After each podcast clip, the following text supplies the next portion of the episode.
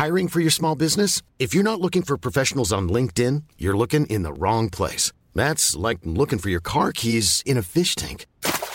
LinkedIn helps you hire professionals you can't find anywhere else, even those who aren't actively searching for a new job but might be open to the perfect role. In a given month, over 70% of LinkedIn users don't even visit other leading job sites. So start looking in the right place. With LinkedIn, you can hire professionals like a professional. Post your free job on linkedin.com slash people today. Since 2013, Bombas has donated over 100 million socks, underwear, and T-shirts to those facing homelessness. If we counted those on air, this ad would last over 1,157 days. But if we counted the time it takes to make a donation possible, it would take just a few clicks. Because every time you make a purchase, Bombas donates an item to someone who needs it. Go to bombas.com slash ACAST and use code ACAST for 20% off your first purchase. That's bombas.com slash ACAST, code ACAST. Hey, it's Paige DeSorbo from Giggly Squad. High quality fashion without the price tag? Say hello to Quince. I'm snagging high end essentials like cozy cashmere sweaters, sleek leather jackets, fine jewelry, and so much more. With Quince being 50 to 80% less than similar brands. And they partner with factories that prioritize safe, ethical, and responsible manufacturing. I love that. Luxury quality within reach. Go to quince.com slash style to get free shipping and 365 day returns on your next order. Quince.com slash style. Bakom varje samtal av den här podden ligger flera timmars arbete och löpande kostnader. Podden kommer alltid att vara gratis för alla, men för den som vill finns möjligheten att donera pengar. Genom Patreon kan du på månadsbasis donera det du tycker att vi är värda. Du hittar vår sida på patreon.com samtal. För dig som kan och vill så går det även bra att swisha en donation på nummer 070-3522 472. Länkar och information hittar du på vår hemsida eller i poddens beskrivning.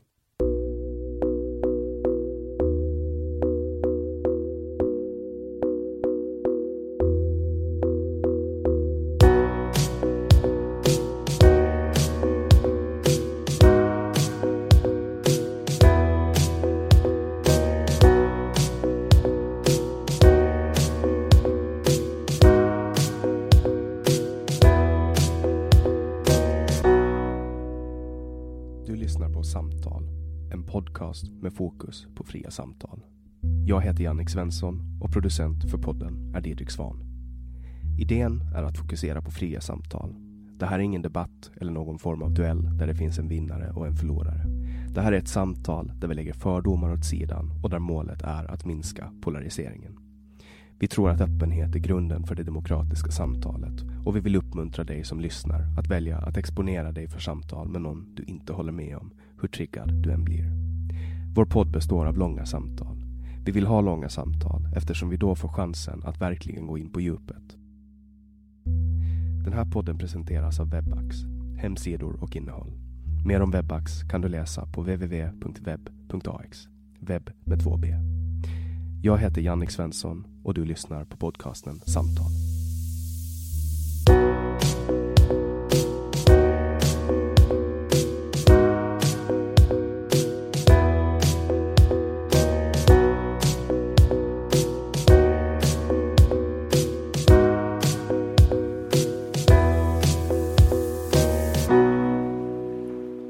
Roger Salström kommer från Kalmar och jobbar som fotograf.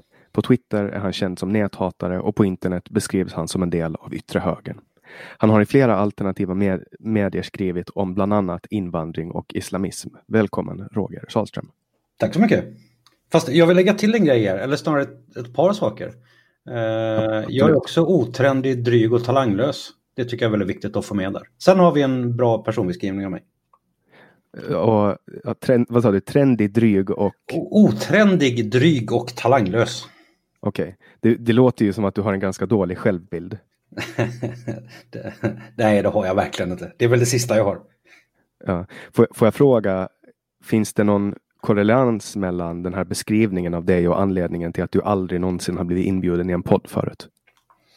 Det gör det nog. Um jag har ju ett eh, väldigt, väldigt dåligt rykte och en, eh, ja, människor beskriver mig på allehanda sätt. Det är faktiskt väldigt få människor som har faktiskt satt sig ner och pratat med mig och tagit reda på vem jag är vad jag tycker och tänker. Eh, vilket jag tycker är lite, jag tycker det är kul eh, faktiskt. Eh, men samtidigt så blir man ju så här lite, eh, vad ska man säga, konfunderad över hur människor som vill ha monster och fiender omkring sig, att de aldrig sätter sig ner och tar reda på vem är mitt monster och vem är min fiende. Ja, nu har vi ju, nu har vi ju den chansen. Vi har ju två timmar tillsammans och vi kan ju börja med att, vi kan ju börja med att googla dig. det är kul. Ja, jag dricker lite kaffe då så kan du googla. ja, men drick kaffe. Vi ser, det första resultatet som jag får det är din Twitter, Roger större än Expressen och Aftonbladet Salström heter det där. Mm, det är faktiskt DN som har eh, valet 2018 så skrev de en artikel om mig. Där jag faktiskt under valet så var jag större på Facebook än Aftonbladet och Expressen. Mm.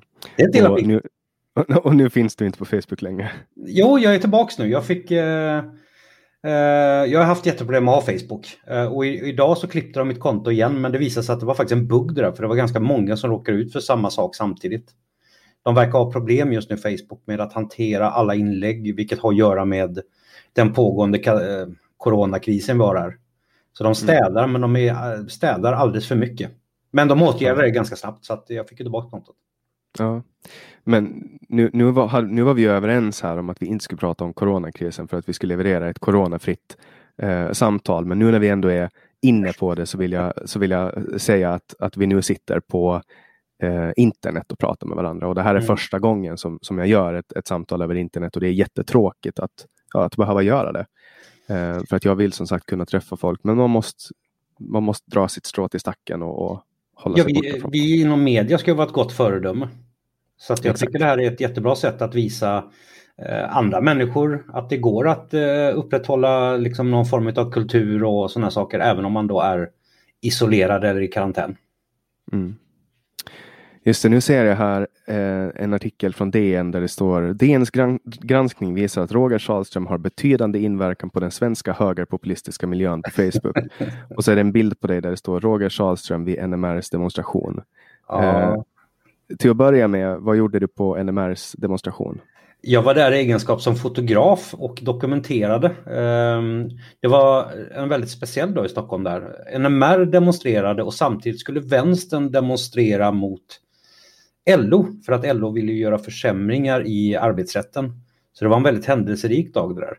Men jag var inte där för att jag stödde NMR, jag var där för att jag ville fotografera om det någonting hände. Men hela, hela den Eh, NMRs tillställning var ju ja, den var väldigt liten och den var väldigt hårt bevakad. Man fick gå igenom tre, om jag minns rätt, så var det tre poliskontroller innan man kom in till själva området där NMR hör till.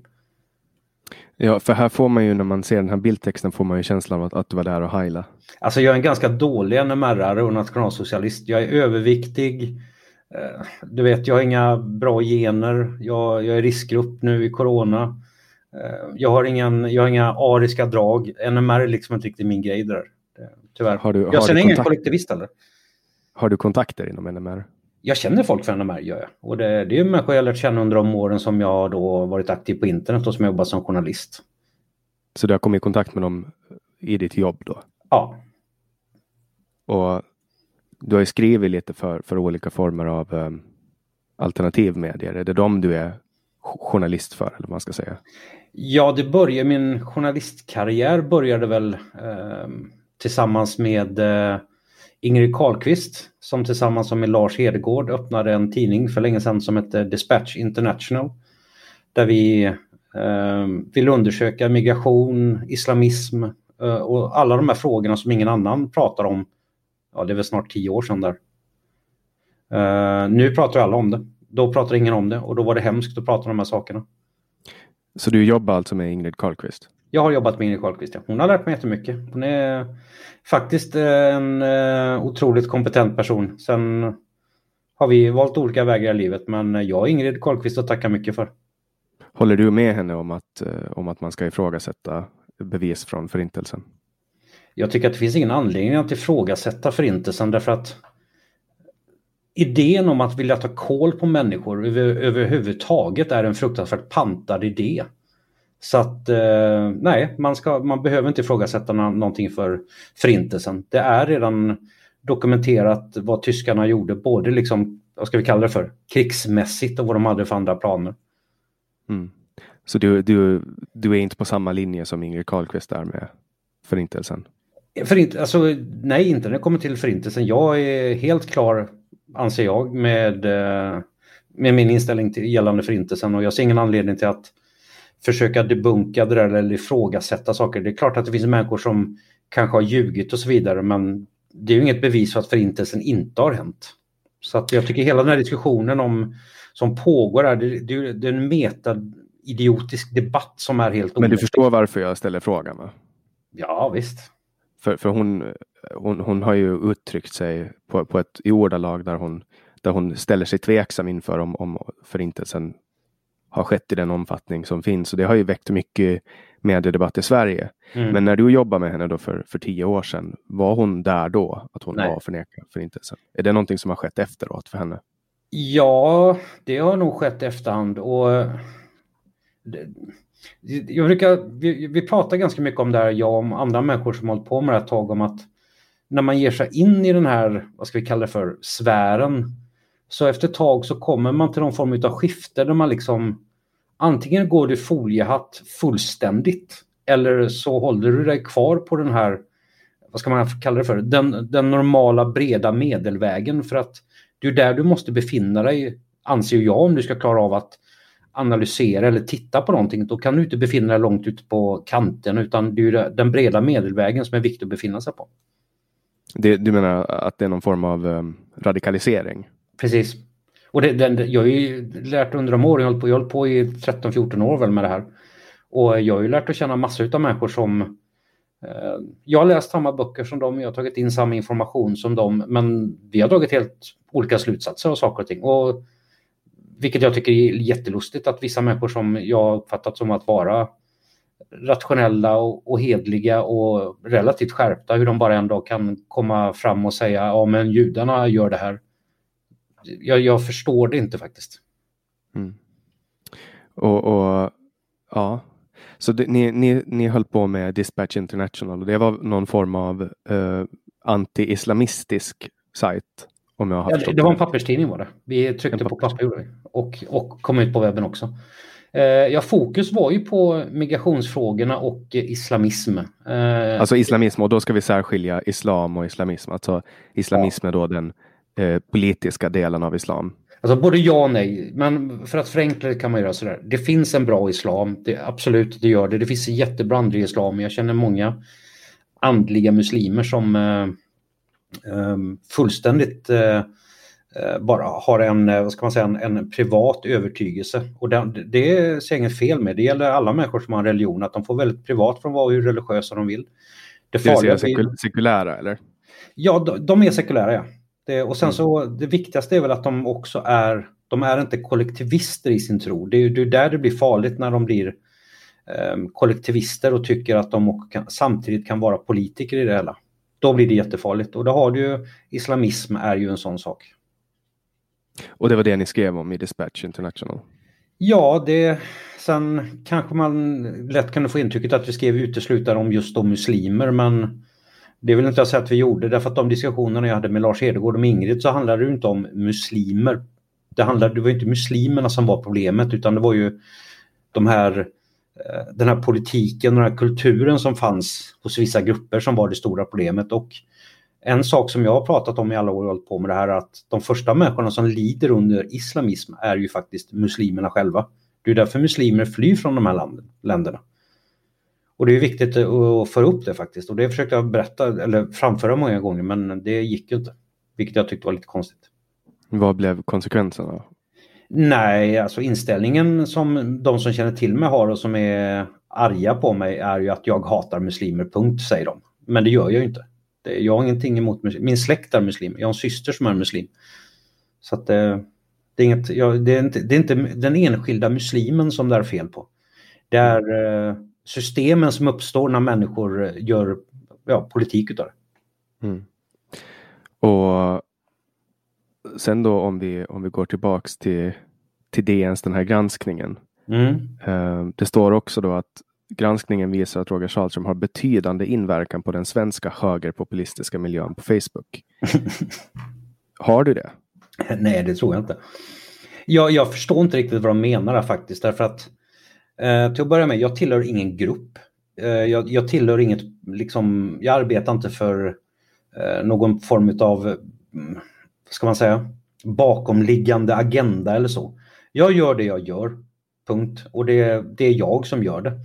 Det är inte så att jag sitter med en massa hemliga nätverk och, och planerar hur vi ska göra saker och ting jobbet för, för andra politiker eller för människor överlag. Att jag har en massa följare på Twitter och Facebook, det, det tycker jag i och för sig är kul. Därför att jag får många gånger berätta vad som är rätt eller fel och jag kan skälla på folk när de skriver felaktiga saker. Jag har liksom ingen... Alltså problemet är ju snarare hur DN väljer att definiera vad som är höger eller hur man har definierat höger idag i Sverige. Men allt, allt lite till höger om Vänsterpartiet är ju nazism snart i det här landet. Så att just att bli kallad för höger eller högerextremist, det, det, det, av, det, det är bara löjligt. Jag bara avfärdar det. Så här har vi då en, en del i en granskning som, som DN har gjort om Sverigedemokraternas um, in, men, kommunikationsavdelning. Mm. Uh, fotografen Roger Salström rör sig sakta mellan avspärrningarna på Kungsholms torg i Stockholm. Han kryssar bakom nazisterna i NMR. Det är deras demonstration han bevakar. En stund senare står han framför motdemonstranterna på andra sidan torget. Roger Salström är en välkänd profil i högerextrema kretsar. Är du det? Ja, jag vet inte. Jag är säkert lika känd i vänsterextrema kretsar så att jag förstår inte riktigt vad den meningen betyder faktiskt. Vidare står det då, han har arbetat för flera högerpopulistiska och främlingsfientliga sajter, tidigare avpixlat Dispatch International och Nyheter idag. Mm. Har du gjort det? Ja, det är de, jag gjort. Är de främlingsfientliga?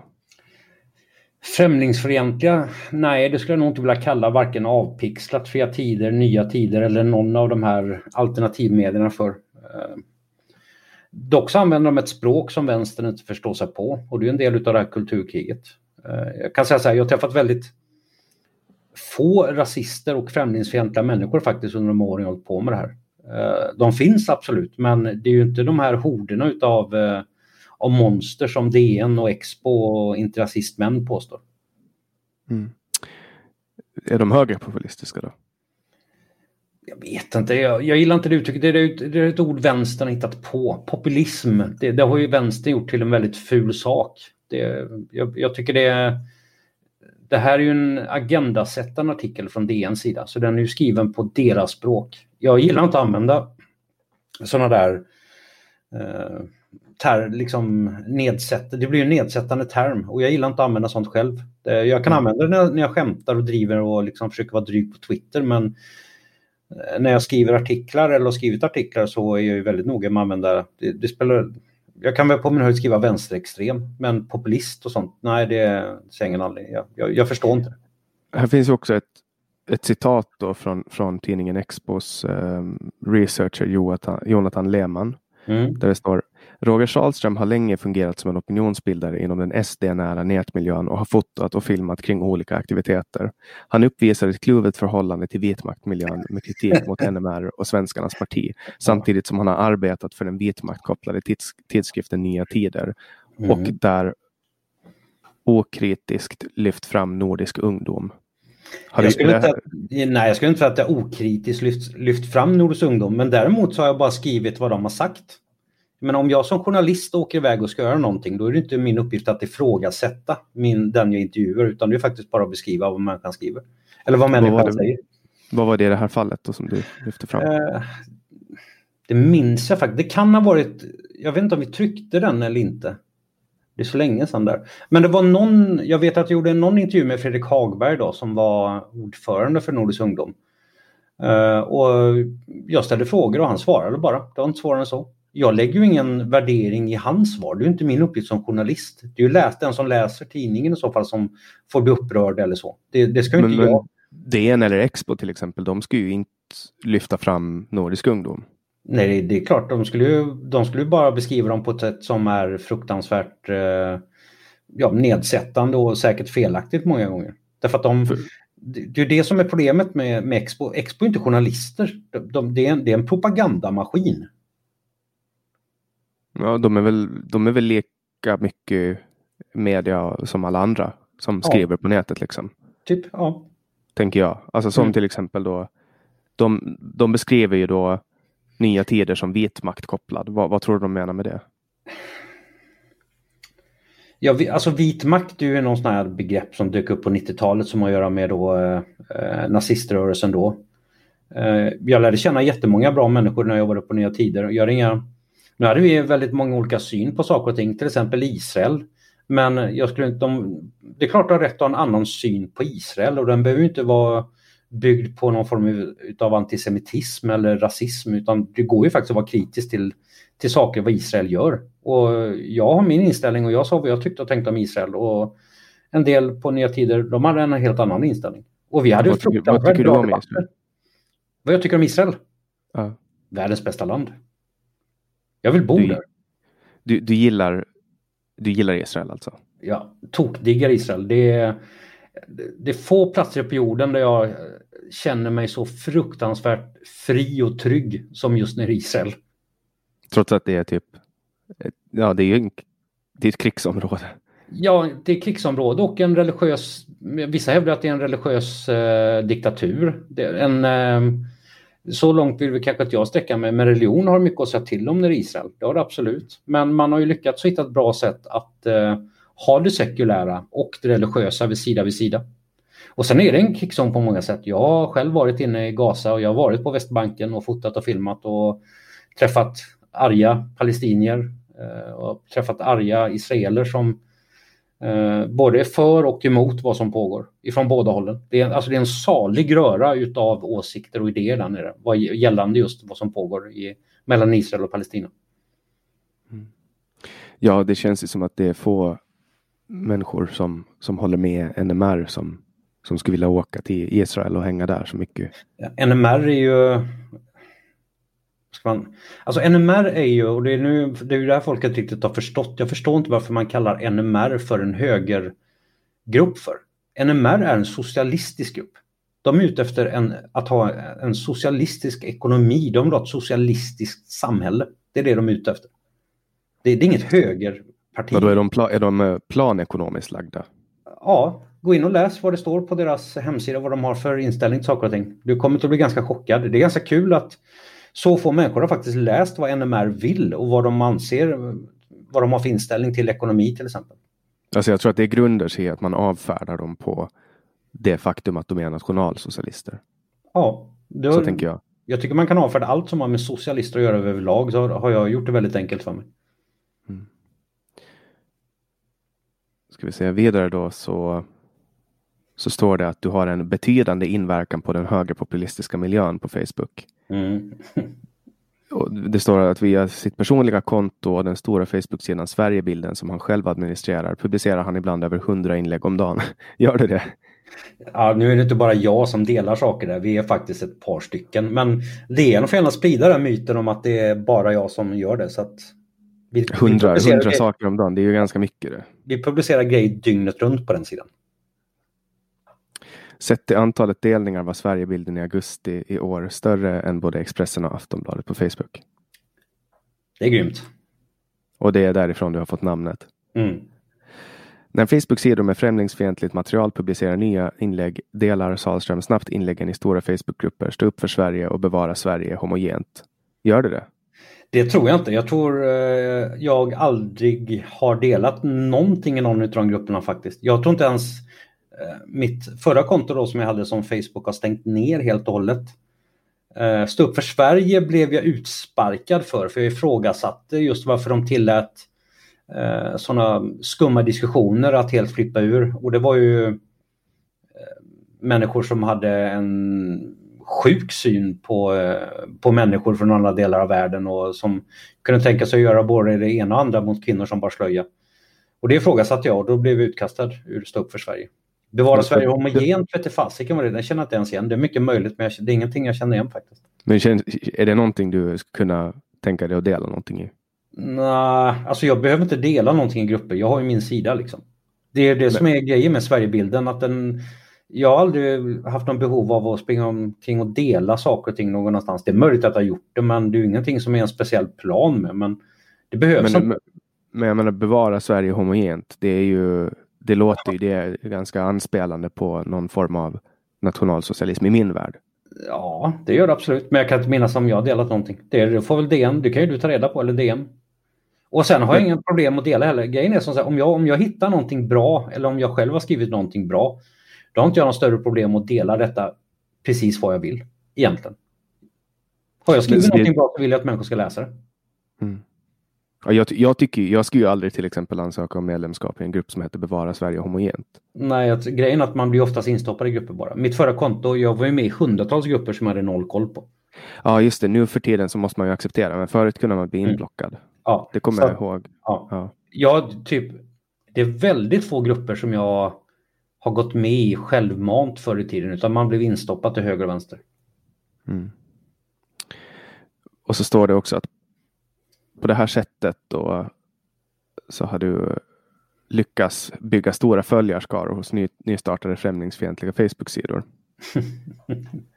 Just det. Sen jobbar du då för, för SD? Nej, jag är frilansare och eh, det, det, det, man tar upp här i artikeln är att jag säljer material till dem. Eh, bild och videomaterial. Mm. Och det gör jag ju till alla andra också. Det, jag har inga problem att sälja bilder eller film till, till den som vill betala för det. Mm. Just det. Och då går vi vidare här då eh, ner i Google på andra resultatet som finns är från interrasistmän.se. Eh, vem är Salle? Våldet, hoten och ett liv i utkanten av Sverigedemokraterna. Oh, spännande. Skrivet av Henrik Johansson för fyra år sedan. Mm. Och här inleder de då med att skriva att, att de för ett par år sedan har skrivit ett inlägg om dig och att du då hade kommit ut ur ett komplicerat förhållande med dåvarande SD-politikern John Bergström i Västerås. Mm. Komplicerat förhållande, då hade, var du ihop med honom? Jag vet, inte vad Henrik, jag vet inte vad Henko menar där. Det får väl Henrik förklara. Ja, jag vet inte vad han menar med det. Fråga honom. Inlägget beskrev Salströms resa genom den antimuslimska miljön i korthet. Men då var då och nu är nu. Det har hänt mycket under dessa år och Salström har både hunnit jobba åt RAS, ideologiska tidningen Nya Tider mm. och Kent Ekeroths rasistiska blogg av Pixlat. Uh, är Nya Tider en rasideologisk tidning enligt dig? Det vet jag faktiskt inte. Uh, när jag jobbade där så pratade jag aldrig med någon om ras där. Eh, själv tycker jag att diskutera ras eller prata om ras är ganska meningslöst. Jag tycker inte det, det är inte viktigt för mig som privatperson. För en forskare som håller på med avgörande medicin, hjärtmediciner eller någonting sånt kan det säkert vara väldigt avgörande eftersom det faktiskt är skillnad på människor på en del plan. Och det betyder inte att man tycker att människor är sämre på något sätt för att det är skillnad på människor. Det är, utan det är bara så. För mig spelar det ingen roll. Det, jag, har ingen, jag har ingen idé om raser överhuvudtaget. Mm. Och sen då Kent Ekeroths rasistiska blogg av Pixlat. Mm. Och tycker du att den heter Samhällsnytt numera? Ja. Tycker du att den är rasistisk? Nej, faktiskt inte. Det är, de, de flesta tycker de, ju det. Ja, de flesta som har eh, tillgång, ja jag vet inte. Folk får tycka vad de vill. Jag, jag anser att alternativmedia är en absolut nödvändighet för att föra fram vissa saker. Och sen är ju problemet med de sakerna som alternativmedia i många år har lyft fram är att det är svårt att hitta ett språk och en ton. Chang Frick har ju lyckats. Uh, de han har ju varit med i den här podden också. Ja, Chang Frick... Det samtalet får ni också lyssna på om ni, om ni vill. Har du lyssnat på det? Faktiskt inte. Jag får eh, ge mig själv en bakläxa. Alltså, du behöver inte lyssna på min podd om du inte vill. Men... nu måste jag lyssna på din podd, förstår du väl? Nu ja, jag, men jag, har, jag har suttit i hans uh, kök och spelat in med honom. Ja, trevligt. Men du sa att han har inte... Alltså Chang har ju lyckats med, eh, i och med att han lyckades hitta en form och ett språk som gjorde att det gick att förstå vad han ville säga med sin rapportering. Det är väl lite det misstaget som då avpixlat och eh, eh Samhällsnytt många gånger har, att det är liksom det håller inte en, en, en liksom kvalitet alla gånger. Många saker de tar upp är ju faktiskt sant och så vidare men det är bara att ibland väljer de att använda då, ungefär som då DN väljer att använda vissa ord för att beskriva någonting. Det gör ju faktiskt alternativ media också, avpixlat eller samhällsnytt. Använder ett språk som anpassat då för en viss form av publik. Alltså det är ganska bisarrt språk Det tycker jag. Ja, i min... ja, ja, det är möjligt, men om det är rasistiskt, det vet jag inte. Det tror jag, nej, det skulle jag inte vilja säga det alltså, vi, vi har tappat fokus på vad rasism är i det här landet. Så att det, diskutera frågan om vad som är rasism är helt jävla meningslöst egentligen. Faktiskt tyvärr, vi har förstört begreppet rasism. Det, de allra flesta normala människor vill inte ha med rasism att göra. Men i och med att vänstern eh, och många socialliberaler helt har fuckat upp begreppet vad rasism är så betyder rasism ingenting längre. Det kan vara vad som helst. Ja, alltså det, det håller jag med om att, att det har blivit en begreppsförskjutning och nu, mm. nu får man ta till hårdare tillmälen som till exempel genom att säga nazist för att ja. få folk att, att rygga tillbaks. För att man vill ju ändå på något sätt kunna, men vad ska man säga, eh, men man vill ju ha eh, att orden ska ju funka. Kommunikationen mm. ska ju funka och nu när man har hållit på och sagt rasist väldigt mycket så hade det har gått en inflation i ordet. Mm. Och, alltså, Sverige kan säga Sverige har, ja det finns rasister i Sverige. Jag försöker, Henko kommer att gå i taket om man råkar lyssna på det och säga, få för sig att ha sagt att det inte finns rasister eller rasism. Jo, det gör det. Men att det finns så mycket rasism som Eh, på det sättet som medierna beskriver det, jag håller inte med om det. Alltså Sverige är ett av världens tryggaste länder. Eller har varit. Det har kommit lite shit emellan, corona och sånt här nu. Men före det så har Sverige, Sverige är ett otroligt bra land. Vi har ehm, senaste, eh, det, det var någon journalist för vad är det, ett år sedan som skrev att eh, vi har ju brist på nazister i Sverige. Alltså de få nazisterna får ju oproportionerligt stor uppmärksamhet. Och han kom fram till, enligt Säpo då, att det fanns runt 300 nazister i Sverige. Det är aktiva, aktiva nazister och de som kopplas då till någon form av rasism. De här 300 människorna, fattar du hur mycket folk som är anställda och som jobbar överallt och som går kurser och håller kurser, utbildningar om de här 300 personerna? Jag säger inte att vi ska sluta prata om faran med rasism, därför att vi ska absolut prata om rasism, men alla saker, nästan alla saker som till exempel när det har skett någon form av skandal som har varit då rasistiskt. Börjar man skrapa lite på ytan så visar det sig att det är ju inte dugg rasism i det överhuvudtaget. Eller så har det varit rena lögner, rasistiska brandmän och sådana saker. Eller samer som blir misshandlade av skinheads. Det, det, det har visat sig vara lögn allting. Ja, jag läste en tweet från Säkerhetspolisen där det står mm. att våldsbejakande högerextremism består av mycket mer än bara främlingsfientligheten och rasism. Här finns till exempel antifeminism, kvinnohat och motstånd mot hbtq. Här finns också djurrättsaktivism och klimatfrågor, säger Ansa Hagström. Mm.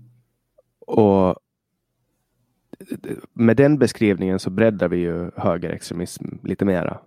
Det, man skulle ju nästan, om man är lite konspiratorisk här nu, skulle man kunna tro att det finns någon form av agenda här nu. Men det låter jag vara osagt. Från Säkerhetspolisen? ja, det, det, alltså det, det, någonting skumt är ju att man har fått...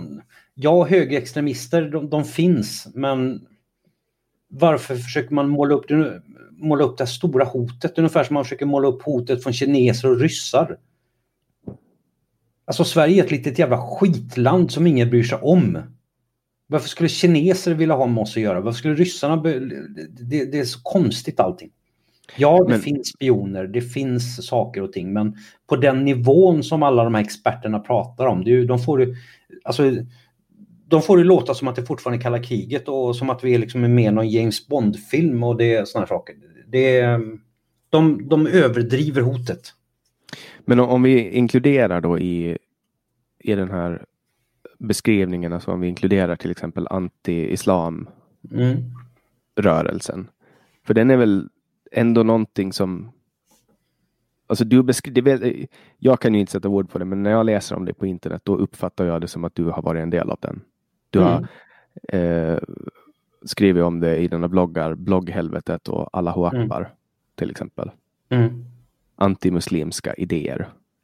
Jag vet inte, jag har alltid drivit, eller alltid, men under en period så drev jag Just blogghelvetet var ju en antireligiös blogg egentligen. Jag var jag, beskrev, jag skrev om kristendomen, jag skrev om judendomen, jag skrev om eh, buddhismen, jag skrev om alla religioner som hade konstigheter för sig.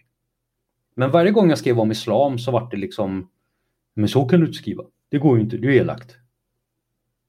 Och då tyckte jag att det där var, jag blev väldigt fascinerad av det där så att då valde jag att starta den här bloggen Allahu Akbar. Där jag la ut vad eh, imamer och företrädare ur islam själva sa. Var, jag hittade inte på någonting där utan det var vad företrädarna själva sa. Du citerar? Mm, typ, jag la upp var det inte direkta citat ifrån, eh, nu minns jag inte namnet på honom, men det var en jättekänd eh, imam nere i Malmö då. Han ville ju spotta ut judar i havet och sådana saker. Eh, och sånt där la jag upp sådana klipp och jag, beskrev de här sakerna och så kopplade jag till de verserna som de själva redovisade till i, i de texter som finns som är knutna till islam. För att islam handlar mer än bara Koranen, det finns en massa andra böcker och eller vetenskaper som de kallar dem, knutna till det där. Men du är kritisk till islam, eller? Jag är kritisk till all organiserad religion på det sättet. Det är, jag har lika mycket eh, negativt till eh, Jehovas vittnen som jag har till, eh, till muslimer som vill införa vissa saker bara för att de är muslimer. Judendomen då? Ja, det är samma sak där. Vill, alltså, om en, men oavsett vilken religion du tillhör, om du tror att du ska kunna få förändra det här samhället bara för att du råkar tro på en gud, så då tycker jag att du har fel. Just det, och här i Interrasismens granskning står det också då att 2010 tog Sahlström steget från ord till handling när han bestämde sig för att tillsammans med hunden och en kofot tälta i Lars Vilks trädgård för att mm. skydda huset från skadegörelse. Mm. Det gjorde också. Det, var det en, ett PR-stunt eller? Nej, det är Lars Vilks. Eh, eh, de försökte mörda honom. Och eh, ingen tog det på allvar. Han fick en eh, fatwa på sig heter det va? Ja, precis. Så det var två bröder har för mig att det var som åkte hem och försökte bränna, honom, bränna in honom. Och eh, det som hände i media var att journalister sa att Lars Vilks fick skylla sig själv. Eh, polisen tog det inte på allvar, säkerhetspolisen tog det inte på allvar. Och då tyckte jag att nu får det liksom vara nog här. Det, här, det ska inte vara så här i Sverige. Så jag åkte och satte mig i hans trädgård i ett par dagar. Och vad hände då? Eh, efter ett tag fick han polisskydd. För att du satt där? Nej, det tror jag absolut inte. Men uh, han fick polisskydd i alla fall. Och det blev uppmärksammat på ett mycket större plan. Okej, okay, så du var inte ute efter PR? Nej, det är jag aldrig egentligen. Alltså, hade jag velat vara ute efter PR så hade jag agerat på andra sätt i så fall. Jag har inget behov av att ha mitt namn och min stämpel på saker och ting direkt sådär. Mm.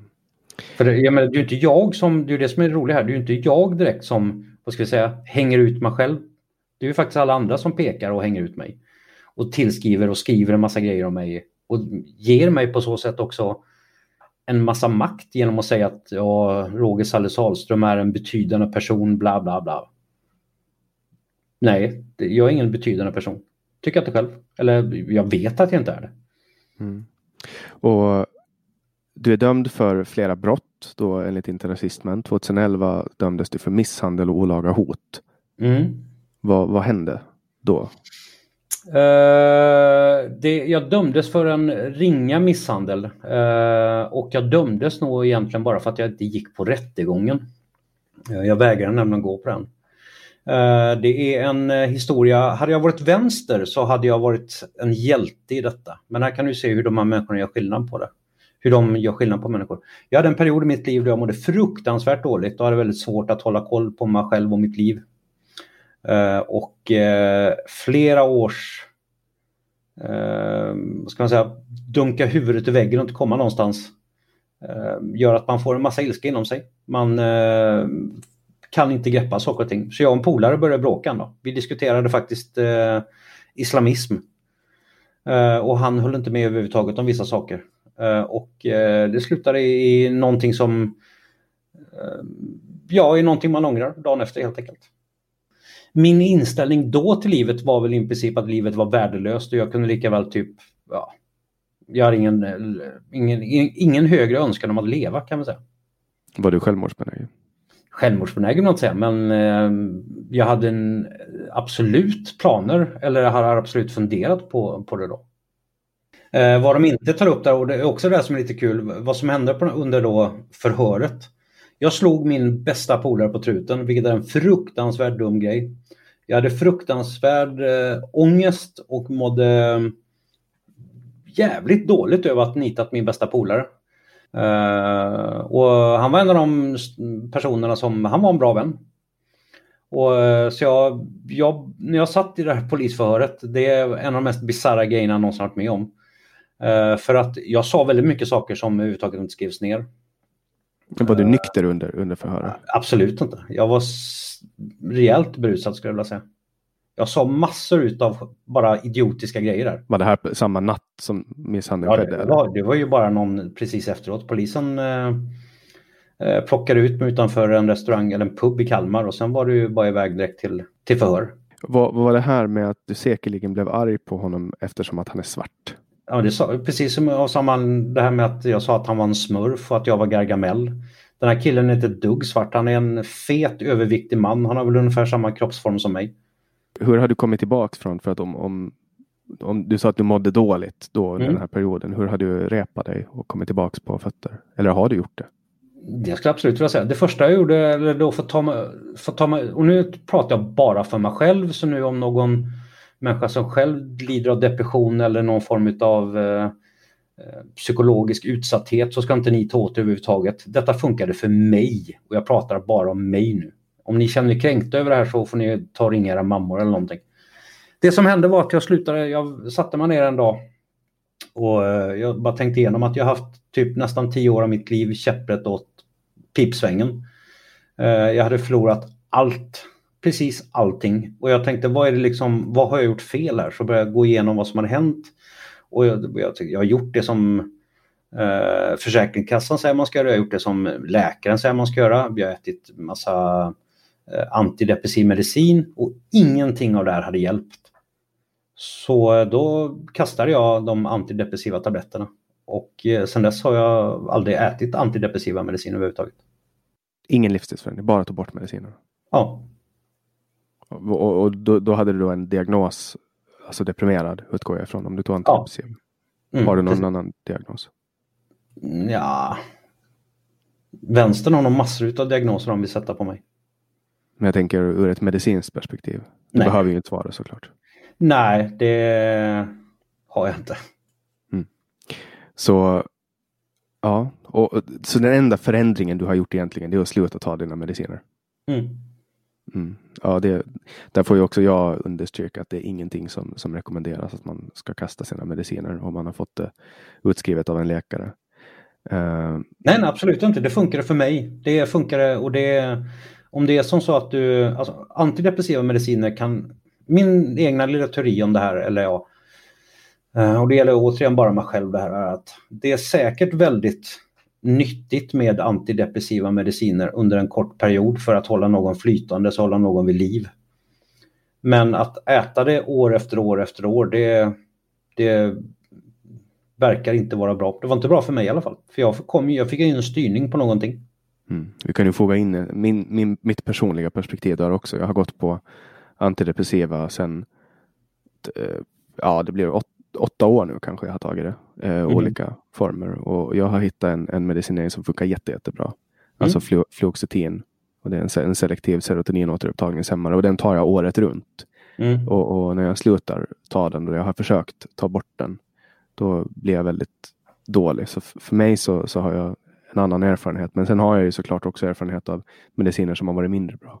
Mm. Eh, precis som du säger. Men får, får du fortfarande vinterdepressioner och sånt? Eh, jag har, eh, jag skulle inte säga, jo jag får eh, depressioner höst, eller vad säger vår och vinter. Våren brukar nästan vara värst, men den stora skillnaden är att nu kan jag hantera det. Jag har själv lärt mig att lyssna på de signalerna när de kommer därför att man, man känner liksom innan hur man håller på att förändras och att det är någonting är på G liksom. Och eh, då bara bemöta. Jag tar, jag liksom tar tjuren vid hornen om man säger så. Mm. Och bara rider mig igenom det. Och det står ju här då i, i dina domar så båda, båda fallen som jag uppfattade rätt så var du onykter. Mm. Det, dricker du alkohol? Jag dricker alkohol men eh,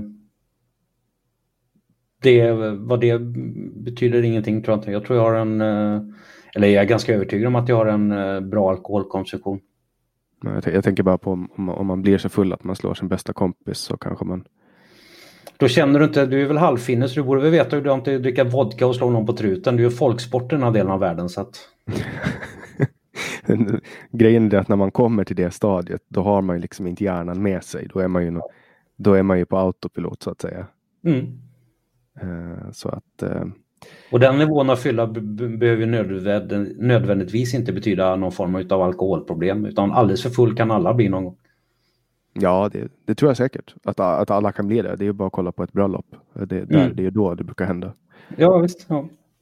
Nej, men alltså eh. grejen är att det, jag ofta, jag, hela den här grejen eh, om, om eh, de här domarna. Det, folk vill väldigt gärna, det är typ det enda, om det är någon som vill prata med mig så är det väldigt gärna de här sakerna de vill prata om. Och jag har inga problem att prata med det för att min inställning till det är bara att ja, det var jävligt dumt gjort.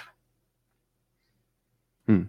Och du har, du har väl gjort ditt straff, avtjänat, du har avtjänat ditt straff också. Ja, visst. Det är också en sån grej. Det där är vänstern som annars vill släppa ut alla brottslingar anser att jag ska typ vara livstidsdömd för det här. Jag har avtjänat mitt straff för det här och jag har betalat mina böter. Eller vissa delar av dem i alla fall tror jag väl. Uh, så att uh, jag är ju liksom, domarna är ju vaskade. De finns ju inte i några öppna arkiv längre utan man måste ju i så fall kontakta uh, domstolen och, och, få ut handlingarna på det sättet. Mm den här artikeln då på Interrasismen gör en grej av att du då har bott tillsammans med Johan Bergström. John Bergström, ja. John, förlåt, förlåt. John mm. Bergström. Och han har då blivit utesluten ur Sverigedemokraterna. Ja. Och ja, jag förstår inte hur det på något sätt är relevant. Men, men vad tror du? De det, förstår inte jag, det förstår inte jag heller, men här har du logiken hos de här människorna är att där med guilt by association är jättestort. Eh, jag vet jag, att Henrik har varit på samma fest som våldtäktsmän. Då kan ju inte vi dra slutsatsen av att Henrik är våldtäktsman, eller hur? Det, det, så det där är bara det lägsta formen av, det är inte ens journalistik, det där är fjortisskvaller det där. Mm, det står här att du har varit tilltänkt som politisk sekreterare hos SD. Ja, det var faktiskt meningen så en gång i tiden att eh, de planerna fanns eh, i eh, Västerås. Mm. Det står också här att, att du sen har flyttat hem till Ingrid Carlqvist i Malmö. Och hon är ju, hon är ju känd idag då som en, som en förintelseförnekare. Mm. Eh, efter, efter att hon var med i Navid Modiris podcast. Hur kan mm. vi? Mm. Um, och hur, hur, hur ställer du dig till det? För det, det är ju i min värld lite mer intressant. Där finns det ju, alltså har man en sån koppling så, så är det ju kanske värt att lyfta fram, tänker jag. Alltså, jag ser deras logik. Om vi nu använder din logik här så betyder det att om jag förnekar förintelsen så gör ju du också det i så fall, eftersom du pratar med mig. Ja, exakt. Det, mm, jag förnekar ju... absolut inte förintelsen. Så. Nej, det gör inte jag heller. Och vad, alltså, grejen är att folk som vill tillskriver mig en massa saker. De säger alltid så här, oh, men du har umgått med den här personen, du har träffat den personen. Ja, men det är den personen.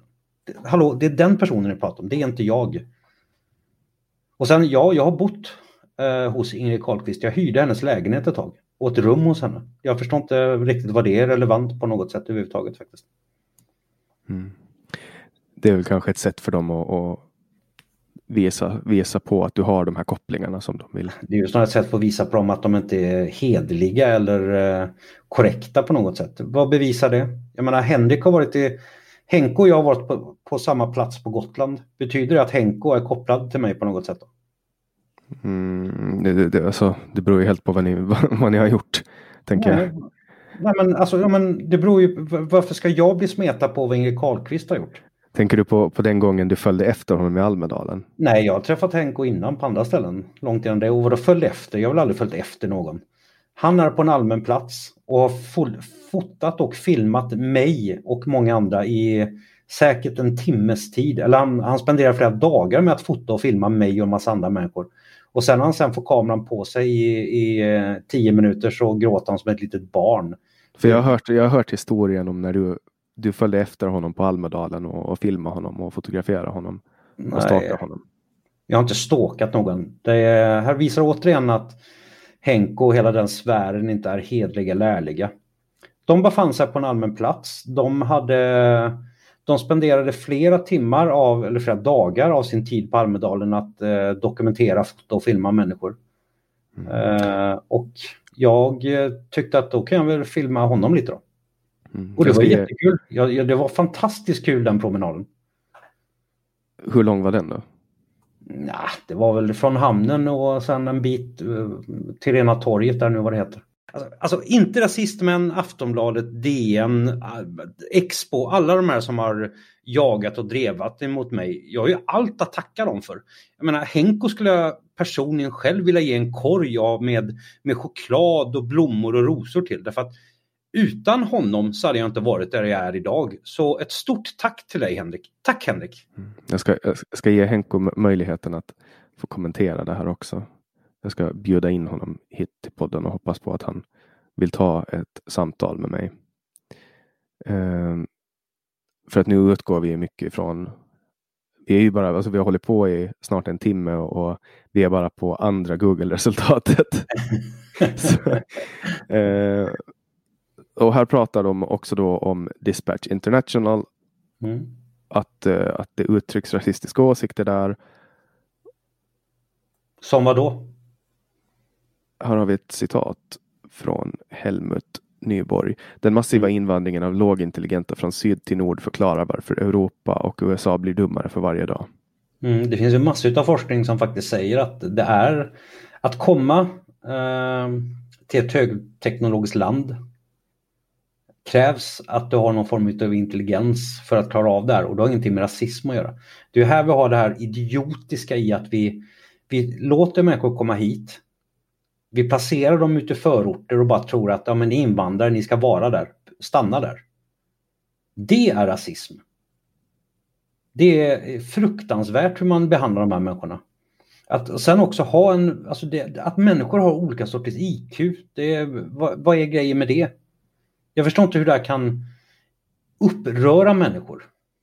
Om någon gör politik av det här så kan det bli eh, lite farligt. Eller ganska farligt. Men det är ingen politik i Sverige att vi mäter människors IQ. Jag har inga som helst problem att man diskuterar IQ och säger att vissa grupper har svårt att klara av vissa saker. Men å andra sidan är de här grupperna väldigt duktiga på att göra andra saker då istället. Som man absolut kan dra nytta utav. Som exempel? Ja, vi kan ta när jag var nere i Namibia för många år sedan så besökte jag de här, eh, vad heter de, Klåsa heter de väl, de som klickar när de pratar. Eh, och de sa så här till mig att du är en belastning för vårt samhälle. Därför att du kan inte göra upp eld, du kan inte hitta vatten, du kan inte säkerställa överlevnad för oss här ute i bussen. Vilket var helt rätt. Mm. Men du kunde knappa på en iPhone och skriva 100 inlägg om dagen på Sverigebilden. Ja, precis. ja. Ja, ja, den logi det, ja, jag förstår den logiken. Det skulle inte vara så bra att ha dig på en ö om man skulle försöka överleva. Det skulle vara bättre att, att äta dig. Typ. Mm. Eh, sen då han Helmut Nyborg som har skrivit det här i Dispatch International som du jobbar på har mm. deltagit i en konferens som är anordnad av den danska antisemitiska organisationen Sällskapet för fri forskning. Mm. Och på konferensen då så talar Ku Klux Klans tidigare ledare David Duke. Mm. Det var vad han gjorde, men vad har det med mig att göra? Ja, alltså, om du visste om att han var på sådana grejer. Ja, alltså om folk vill spendera sin tid att gå på möten där folk heilar eller möter folk i vita lakan, då får de väl göra det. Men jag tänker att det är väl ändå ganska, alltså om du tänker på ditt eget anseende så är det ju ganska rimligt att ta i Eller kan, eller kan man vara vuxen och hålla isär saker och ting? Men, men jag menar om du sitter på en redaktion och mm. skriver mm. och du vet att din bordsgranne går och träffar folk från Ku Klux Klan mm. och du skiter i det. Då är ju du då visar ju det att du har en ganska slapp inställning till Förstår du vad jag menar? Ja, och du, du tänker som ett litet barn här faktiskt skulle jag vilja påstå. Därför att om det är som så att jag har en bordsgranne som är eh, nazist eller rasist eller går på KKK-möten eh, så får de väl göra det. Det faller alldeles utmärkt under de friheterna som vi har i Europa. Jag skulle försvara varje, jag, jag försvarar NMRs rätt att få gå i demonstrationer liksom. Men umgås du med Vill folk? man, Alltså, använda, nej, men vill man använda sin tid för att utmåla sig som en idiot, då tänker jag slåss för din rätt att få utmåla dig själv som en idiot. Ja, det är jätteviktigt att folk får vara idioter. för jag menar, man pratar ju ofta om att ta avstånd från olika saker. Ta Mm, avstånd man pratar från som barn. är, nu är du liksom nere på den så som barn beter sig. Mm, men, Han är ska, dum, du, hon är dum. Men du tar inte avstånd från nazism? Vad ska jag ta avstånd? Ja, men, vad- alltså, du, nu får du skilja saken åt här. Ska jag ta avstånd från en person eller ska jag ta avstånd från en ideologi? Alltså, du tar inte avstånd från en person som har en viss ideologi? Men vad ska jag ta avstånd från människor för? Vill människan, jag förstår inte vad är grejen med det här. Vad är, vad är, vad är nyttan med att jag tar avstånd från dig? Vad, vad har jag förändrat i livet då? Har jag gjort världen bättre om jag tar avstånd från dig?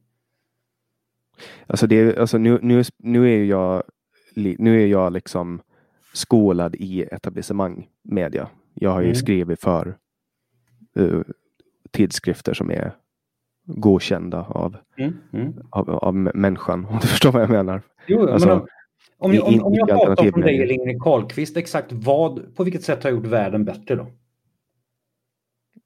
Ja, men jag, jag vet inte. Alltså, Slutar isbjörnarna att dö eller får ba- barnen i Afrika vatten eller vad händer? Exakt vad händer när man tar avstånd från någon? ja, men man, förhåller, man förhåller sig till, till de regler som samhället har satt. Alltså, jag vill ju inte på något sätt försvara att man ska behöva ta avstånd från folk. För jag klassar ju mig själv som en samtalsaktivist och har Mm. det här samtalet med dig. Men jag tycker ändå det är intressant att använda de här eh, För att du är ju inte en del av medieetablissemanget eller på något sätt. Du är ju inte, du är inte rumsren enligt de allra flesta. nej. Och, och därför tycker jag att det är intressant att få din syn på det här. För att läser man om dig på internet då får man ju då får man ju känslan av att men, du är ju en nazistkramare. Liksom. För, Det är konstigt, jag har aldrig uttryckt något nazistiskt eller ens... Det tycker jag är jättekul. Folk som säger att jag är... Jag satt senast igår i en sån diskussion med en kille som sa att jag var rasist. Och jag sa, sa till, skrev till henne att men du är så säker på din övertygelse här nu så det borde vara jättelätt för dig att hitta typ en skärmdump på något rasistiskt jag någonsin har skrivit. Hela mitt liv finns på internet sedan typ 20 år tillbaks. Någonstans i det här måste ju det finnas en skärmdump där jag har skrivit någonting rasistiskt. Du har hoppat in på en blogg som enligt inte rasismen är grovt rasistisk. Sweden Confidential. Och exponerat då. Mm. Jag skrev fyra inlägg där och jag skrev bland annat ett inlägg om att eh, ett som handlade om ekonomi skrev ett inlägg. Eh, jag skrev ett inlägg som handlar om hur socialdemokrati, Socialdemokraterna och Moderaterna hade vissa saker som ledde fram till att de omedvetet faktiskt eh, förstörde för sig själva och hjälpte motståndarna om man säger så.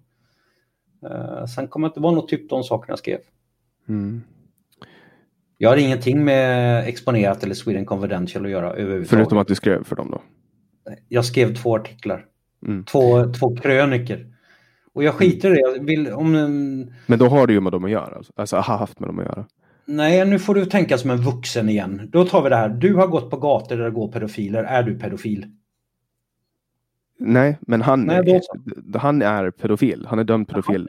Ja, står det sen också. Och då är det väl för jävligt att han, har, att han är dömd för pedofili. Ska jag då sitta eh, och ha någon skuld i det? Tycker du? Mm. Det tycker jag inte. Men, men jag tänker att har du, har, om du har haft kontakt med den här personen. Antar jag, ha, har du haft kontakt med honom? Inte den personen som är dömd för pedofili. Okej, ja. Nej, men för det, där, det kan man ju ifrågasätta. Om, om jag vet att en person är... är Beställer den- du, hem, beställer du hem domar på alla människor du möter? Var, när du har gått, när du, innan du går och lägger dig på kvällarna, beställer du hem domar på alla människor du har träffat under dagen? Nej, det gör jag inte såklart. Nej, men då så. Då betyder det att du under dagen är kladdig och smutsad av alla människor du har mött som har begått ett brott. Mm. För du tar inte avstånd ifrån det där. Ja, det står också att, att han, det står också att han eh, kräver pengar från uthängda personer för att ta bort artiklarna från sajten. Ja, Det vet jag ingenting om det där. Det var någon härva om det där ett tag, men jag förstod aldrig det där därför att det där var jätterörigt det där. Och den personen som de menar har jag nog aldrig träffat. Jag träffat en person från Exponerat och han, han var någon galen göteborgare eh, som eh, var väldigt pratig och högljudd utav sig.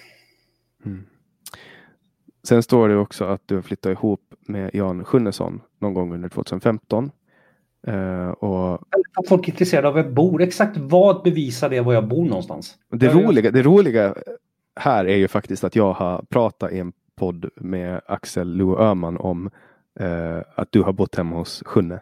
Mm. Och, och det, det, det, kommer ju ifrån att, att du och jag då har en historia mm. uh, i form av att jag bodde inneboende i en lägenhet för fyra år sedan ungefär. Va? Har du bott med en annan människa? Hemskt! Mm, jag bodde med en annan människa. Och eh, du kände den personen och övernattade där ibland på grund av att mm. du inte kunde vara hemma. Eh, för att Sjunne hade saker för sig som du ville ta avstånd ifrån. och, och, det nämnde jag. Så att det, det är faktiskt en, en rolig detalj där att vi har vi, Dels har vi träffats innan. Så det här är inte första gången som vi pratar. Um, jag tycker ju inte att jag på något sätt är ihopkladdad eh, med dig, för jag visste inte riktigt vem du var. Eh, Förstår du hur arg Henko kommer att bli nu när han kan smutsa mig på dig? Ja, ja, ja, ja det ska bli kul att, att, se om han blir arg. Vi får se. Jag, jag hoppas, jag, jag, tror att det kommer, om han väljer att vara med i min podd så hoppas jag att det haglar bajs över dig. Så att ja, jag det får kan... det gärna göra. Jag har inga problem med att folk bajsar på mig. Det är det är kul för jag tycker att det är väldigt roligt att, att, att höra när, när Henko går loss eh, ibland. Mm. Mm. Jo, det tycker jag med. Han är, han är ganska hysterisk ibland. Det är underhållande.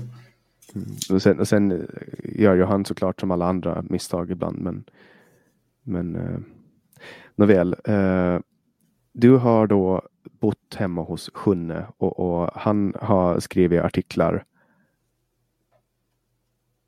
Nej, Ja, jag mm. förstår inte kopplingen där, men, men han... Uh... mm. Ja, du har skrivit, du har skrivit då för, för Nya Tider och, och Vavrasuk har varit mm. inblandad i det. Och Vavrasuk har väl eh, råkat ut för också det här med att ha blivit exponerad för att ha någon form av kontakter med Folk umgås med vilka de vill. Jag lägger ingen värdering i det egentligen. Det är det är först när de börjar bete sig som stolpskott som eh, det är läge att börja reagera eller agera. Det, ja, jag har skrivit för Nya Tider eh, och ett av de mest lästa reportagen handlade om uteliggare och ett annat otroligt välläst reportage var när jag var nere i Israel och pratade och intervjuade en, en palestinsk kvinna. Vad, vad handlar den intervjun om? Eh, det tog upp hennes syn på det här med eh, Israel och Palestina-konflikten. Och hon tyckte att eh, det, det fanns en... Mm, hon, så, hon tyckte att det fanns en, en, en, ska man säga, en, någon form av fetism i, hos palestinier att eh, sitta kvar i sånt som har varit. Och att det fanns även samma sak hos eh, israeler och israeliska politiker. Så folk eh, eller situationen gick aldrig vidare utan man satt kvar i gamla oförrätter bara hela tiden. Och eh, hon har väl ganska god poäng där faktiskt. Och du har då jobbat åt, vidare då står det att du har jobbat åt Avpixlat där du bland annat ägnat dig åt att ljuga om en ensamstående mamma och påstå att hon har varit en sexköpare. Mm. Det vet ju Henko ingenting om det där. Det där är ju faktiskt. Ja. Jag vet inte om man har pratat med någon om det men. Ja, eh. jag vet inte han. Uh, jag känner till saker i det ärendet som inte han känner till. Så att. Uh... Mm. Utan att gå in för, för djupt på det då. Och hade så... jag ljugit i en artikel så hade jag ju säkert också åkt på någon form av... Det finns ju ett regelverk som journalister ska hålla sig efter och sådär. Så att, är, du, är du utbildad journalist? Jag har pluggat eh, journalistik en gång till på högskolan. Dock så hoppade av vid, kommer inte ihåg om jag läst 40 eller 60 poäng. Mm. För att jag tyckte att det blev lite illavarslande när vi hade en föreläsning där den som föreläste sa att eh, ni som journalister är också kommunikatörer. Det viktigaste ni kan göra är att hjälpa politiker att leverera sina budskap. Och jag är uppfostrad med idén om att journalister ska vara någon form av makt mot, mot eh, politiken. Mot mm. politiken. Typ den fjärde statsmakten. Och då vart jag lite sur och putt över det här och frågade vad hon menade med det här. Och då tyckte hon att det var... Jag borde förstå hur viktigt det är att alltid ställa upp för mina politiker. Och då gick jag därifrån. Det låter ju... Det är... Jag har inte återvänt till akademiska studier efter det. Ja, men det är också en dålig anledning att hoppa av skolan tycker jag. Varför ska man vara inne i, in i ett lärosystem som är värdelöst? Mm. Ja, nej, det är en, det är en annan sak dock. Men, mm. Eh, och sen då avslutas artikeln med att du har försökt få in pengar till att skriva en bok. Eh, de anmälde väl eh, hela den insamlingen, både på, nu kommer jag inte ihåg vilken sida det var jag drev därifrån, men den sidan blev ju anmäld av par, typ så 300 pers tror jag anmälde den. Så de okay. plockade ner den insamlingen. Men jag, jag hade en bok färdig och klar, men Mm. För du, det står här funding unsuccessful. This project's funding goal was not reached on July 4th 2015. Ja, det stämmer inte riktigt där men. Så det är inte du som har raderat den för att du inte fick ihop pengar? Nej, nej, den blev avstängd. De, den blev låst. De, uh, uh, jag kan se om jag hittar de mejlen. Det kan vara rolig skärmdom faktiskt att lägga ut. Mm. Eh, men den blev låst den. Det gick inte att donera pengar därför att eh, de hade fått någon, de sa att de hade fått tips om att det skulle spridas nynazistisk propaganda och de vill inte vara med och sprida sånt eller dra in, hjälpa till att dra in pengar och sånt. Okej. Okay. Uh, eh, okay. Och mitt, de låste mitt Paypal samtidigt också. Uh, för det blev också så här att det var eh, insamling till eh, nazistiska och rasistiska organisationer och då kunde inte de ställa sig bakom. Så att under en period hade jag inget Paypal-konto. Hm. Ja. Det är ju risken man får ta med att vara en offentlig person antar jag. Är du en offentlig person? Jag är ingen offentlig person. Jag har inget ämbete någonstans. Jag är en privatperson. Ja, men journalister brukar ju klassas som offentliga personer. Ja, nej. Så det är Finland i alla fall. Jag är inte säker på hur det är i Sverige, men i Finland. Ja, det är mycket möjligt. Men jag anser att det är en offentlig person. Mm. Ja, det är ju ändå... Eh, det är ändå... Du kan ställa den frågan till dem på Intrasistmän vad de tycker om det. De uppskattar inte att eh, bli granskade. Jag har inga problem med att bli granskad. Jag har gjort så förbaskat mycket dumma saker i mitt liv. Och bra saker. Jag har inga problem överhuvudtaget med att folk granskar mig. Det får de väldigt gärna göra. Mm. Ja, uh, vi går vidare. Den här... Person vet jag inte. Det håller jag nog inte riktigt med om. Ja, det är, det är ändå en rätt som får göra den bedömningen om, om det skulle bli aktuellt någon gång. Man kan ju alltid spekulera. Jag, jag, jag, jag skulle gissa på att eh, åtminstone så vitt jag vet och jag har inte så jättebra koll på svensk lagstiftning, men i Finland så tror jag nog faktiskt att du skulle klassas som en offentlig person. Det krävs mm. inte så jättemycket för att man ska bli det. Nej. Um, men det ska vi säga, fjärde Google-resultatet det är då länk till dina artiklar på Nya Tider. Mm. Ska se vad du har skrivit. Antirasister saboterar för företagare på nätet. Kris inom Polismyndigheten. Alternativ Nobelfest. Frihetsfest med Sverigedemokraterna. Extremvänster stoppar frivilligt, frivillig initiativ för trygghet. Fotbollsmammor ska sätta stopp för ligorna. Afghan, Afghanistan accepterar återvandring. Romer ockuperar skolgård. Ian Wachtmeister till Nya Tider. Sverige befinner sig i ett krig. Folkets demonstration välbesökt. Folkets hus nekar SD att hyra lokal. Polis i Borlänge. Kriminella har vunnit. Stefan Löfven är en hycklare. Nettobutik drabbad av sanitär oangelägenhet. Krafttag eller armband mot sexövergrepp. Prideaktivister och polis attackerade kritiker. Förorts-Pride väckte, väckte känslor. Nya tider på plats i Gottsunda. Man brann inne när polisen backade för stenkastande gäng i fokus. Vart, av alla de sakerna du berättar här just nu, kan du stanna dig själv när du hittar det rasistiska eller på något sätt främlingsfientliga? För jag har, jag har själv inte uppfattat det, men om du ser det så kan du väl stanna dig själv och läsa upp det i så fall det rasistiska och mm. främlingsfientliga. Jag, nej, jag, jag, min uppfattning här är att, att det finns en röd tråd. Eh, och det är att det handlar mycket om eh, den här bilden om att Sverige håller på att falla sönder just med krisen och Polismyndigheten och, och så vidare. Eh, och antirasister, det handlar lite om vänstern, det handlar mycket om SD. Eh, och, och, och, kriminalitet och lite sådana grejer. Det följer ju en ganska tydlig tonalitet. Det är samma grej som skrivs om i vanliga medier nu också numera.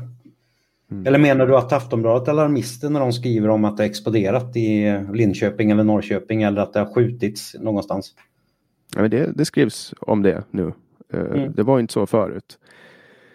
Ska vi se, då går vi in på nästa resultat. Vi har ju hållit på nu en timme och 17 minuter och vi är bara på är det, femte resultatet.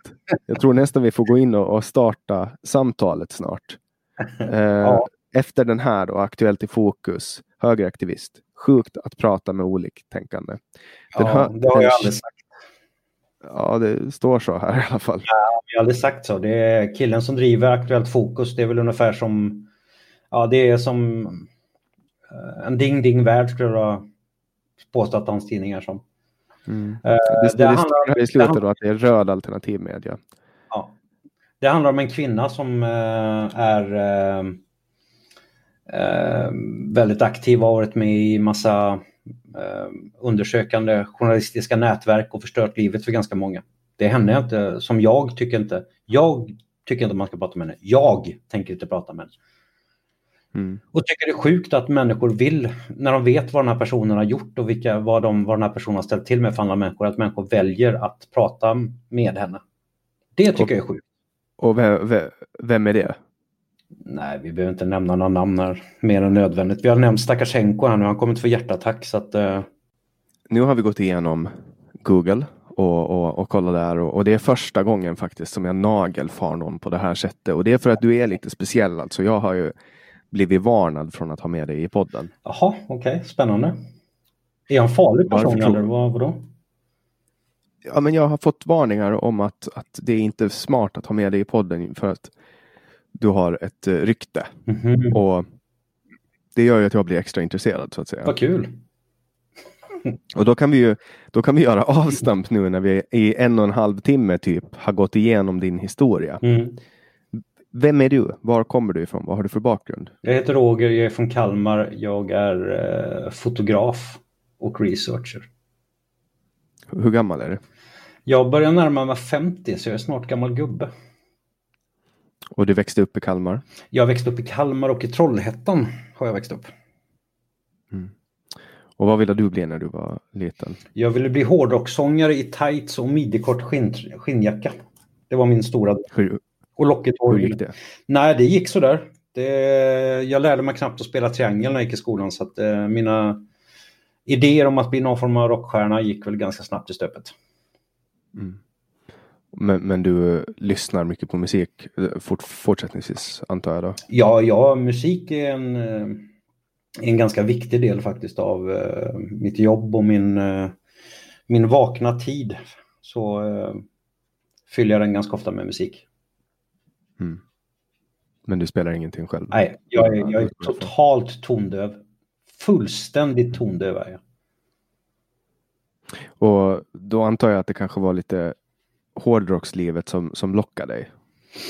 Mm, ja, jag vet inte, det, det, det var väl snarare att jag tyckte att eh, på 80-talet så var ju snubbarna ja, långhåriga. De såg ut som tjejer och du ville se ut som en tjej. Jag vet inte. Nej, men det, det, jag tycker att det, 80-talet som hårdrockare var väldigt tilltalande. Med den här pudelfrisyren och tightsen och midjekort kavaj och axelvaddar. Jag tyckte det var galet snyggt en gång i tiden. Mm. Ja, eh, de såg ut som tjejer. Ja, det var 80-talet var väldigt androgynt. Det var det absolut. Mm. Vill du fortfarande se ut som en tjej idag? Jag har ju ganska snygga bröst faktiskt. Jag skulle nog faktiskt komma undan som tjej tror jag. När vi träffades första gången så hade du ju långt hår också. Ja, jag har klippt av mig det tyvärr. Jag saknar mitt långa hår. Jag hade eh, väldigt långt hår eh, faktiskt. Ja, det hade du. Och- Det var, det var mycket långt. Ja, och jag brukar ha det en sån jättetjock fläta på ryggen som och jag saknar faktiskt det. Det var eh, väldigt svårt och jobbigt att underhålla det där håret men det var snyggt. Mm, för jag kommer ihåg att vi möttes en gång eh, på Medborgarplatsen och då hade du kort hår och jag Mm.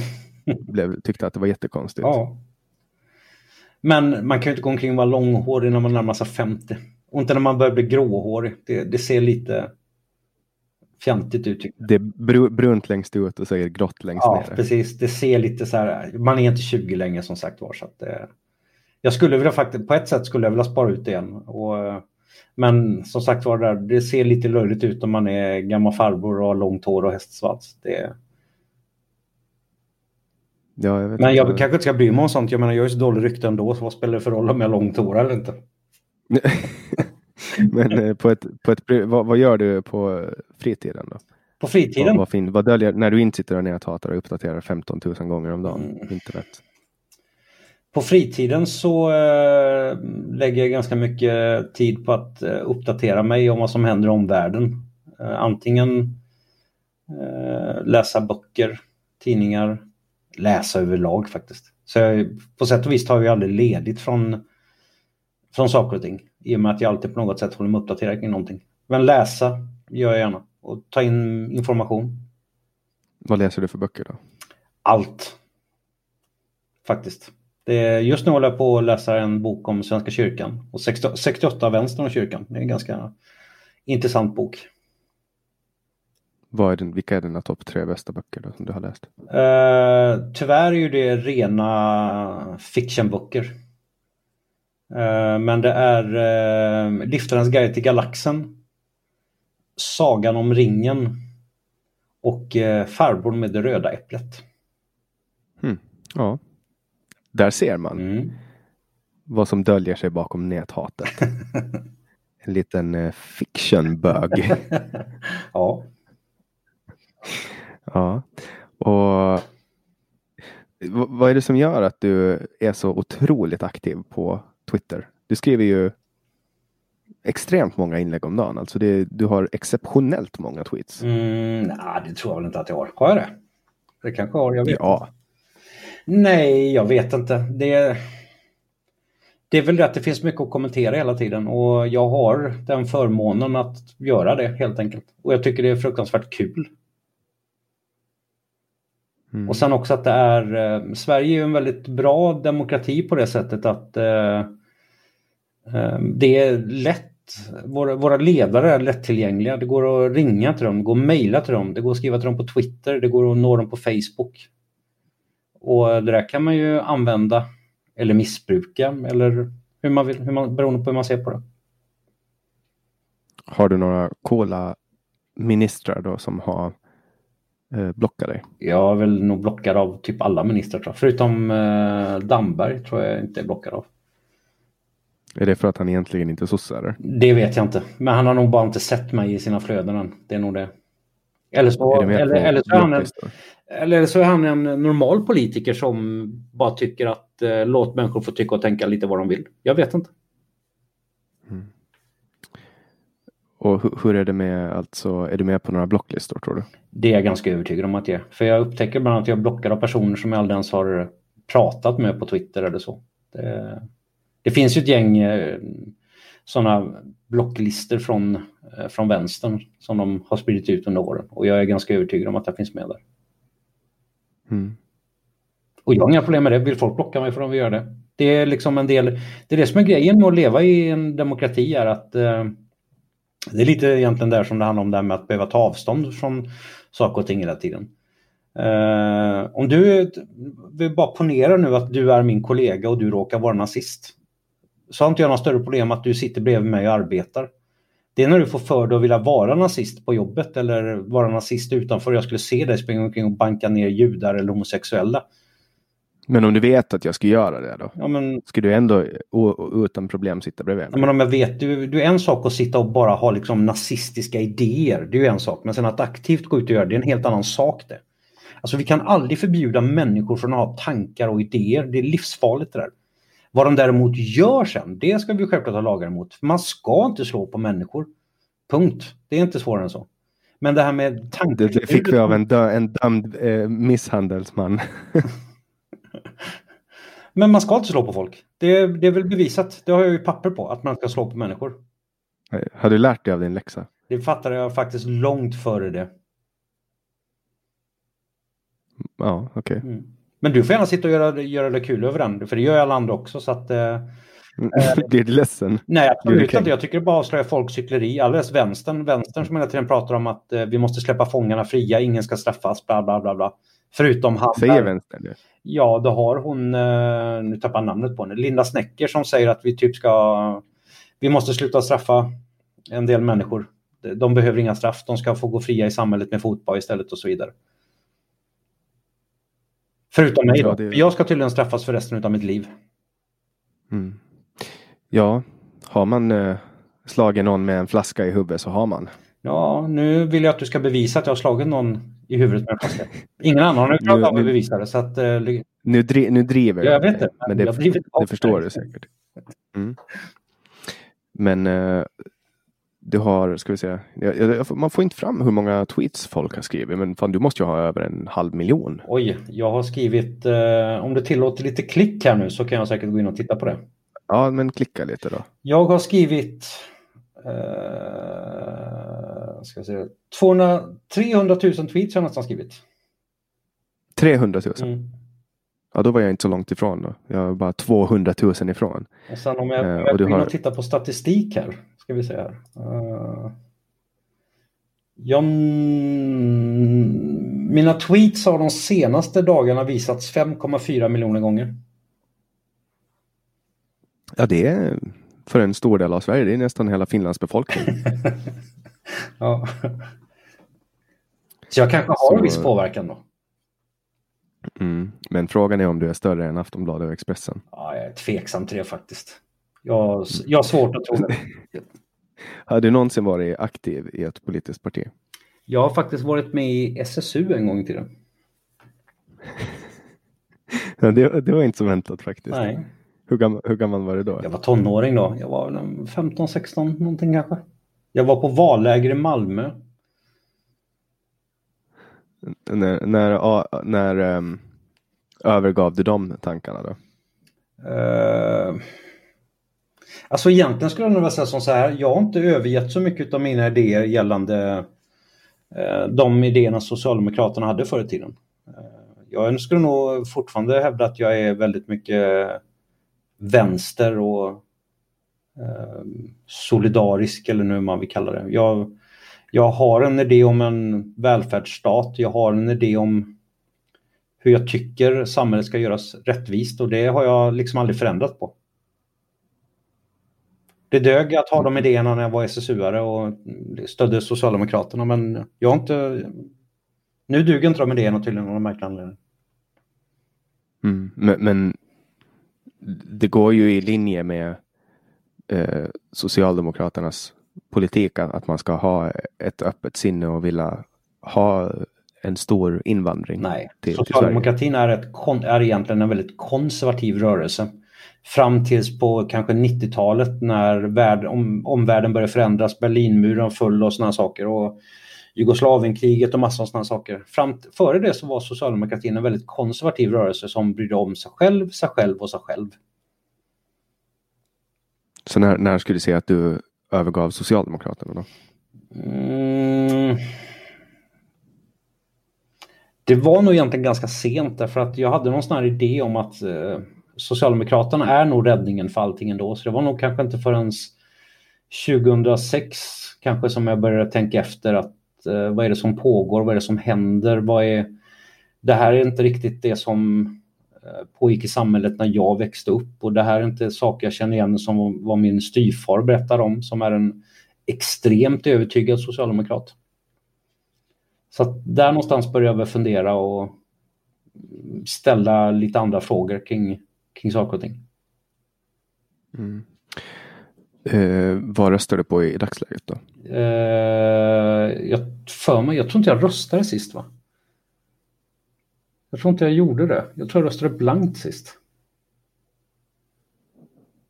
Och det var för att det inte finns något parti som eller som återspeglar det eller vad, vad tänkte du? Ja, du nej, alltså. Eh, det finns väl någon märklig form av eh, journalistisk heder i det där på något sätt. Eh, att man inte ska rösta när man är journalist. Jag håller inte med. Jag är ju både journalist och politiker. Ja, så. det blir jag också kallad för. Mer eller mindre som opinionsbildare.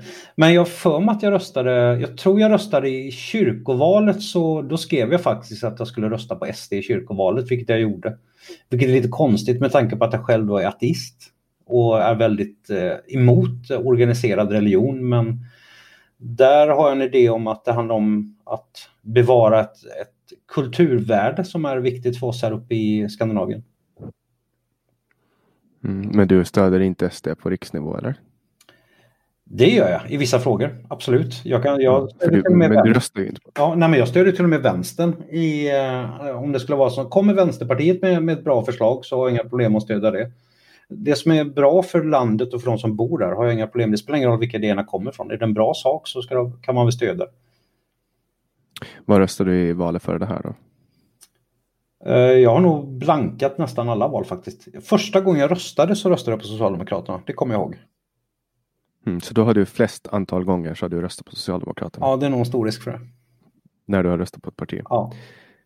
Socialdemokraten Roger Salle Sahlström, Mm. alltså. Ja, förlåt. Mina damer och herrar. Du får byta namn till det på Twitter. Större än Socialdemokraterna. Ja, eller Socialdemokraten Sahlström. men men eh, hur ställer du dig till, till dagens eh, regering då, som vi har i Sverige? Stödjer du den eller Nej, är du emot? nej, det vill jag inte påstå att jag gör. Jag tycker att den nuvarande regeringen gör ett ganska dåligt jobb. Eh, och ehm, Det är väl lite för att socialdemokratin ingår, genomgår väl någon form av identitetskris eh, och har gjort ganska, ganska, väldigt, väldigt länge. Eh, och sen håller de sig kvar vid makten med hjälp av ytterlighetspartier som Miljöpartiet och Vänsterpartiet. Vilket gör att de här små ytterlighetspartierna får oproportionerligt mycket makt. Mm. Och hur skulle du vilja att regeringen ska se ut nu då? Om du utgår då från, från förra valresultatet då? Jag ser gärna en borgerlig konservativ regering faktiskt därför att nu har de här människorna styrt och ställt i de senaste 30-40 åren och ställt till med en ordentlig härva. Eh, coronakrisen är ju, hade ju säkert kunnat hanteras bättre både vad gäller förberedelse och så, men vi har ju skrotat all, alla former utav försvar för att eh, ta hand om ett samhälle som råkar ut för en kris. Och eh, Det är väldigt synd. Eh, jag hoppas att det finns ett alternativ och att det, att det är ett borgerligt och ett konservativt block. Jag tror att eh, Sverige behöver det. Det får liksom vara slut på genusflum och, och könsidentiteter och identitetspolitik överlag. Det, det måste bli lite ordning och reda nu. In med vuxna i rummet igen. Det var ju två stycken regeringar på rad då, från Alliansen. Jag tänker på Reinfeldts regering. Mm.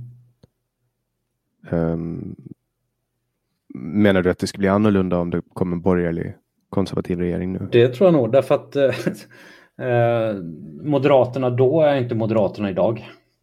Fredrik Reinfeldt var ju ingen riktig moderat. Han var ju han är ju mer, eh, skulle jag säga, någon form av liberal socialdemokrat än vad han var moderat. Så att, eh, det fanns inte mycket borgerlighet eller konservatism med honom. Just det.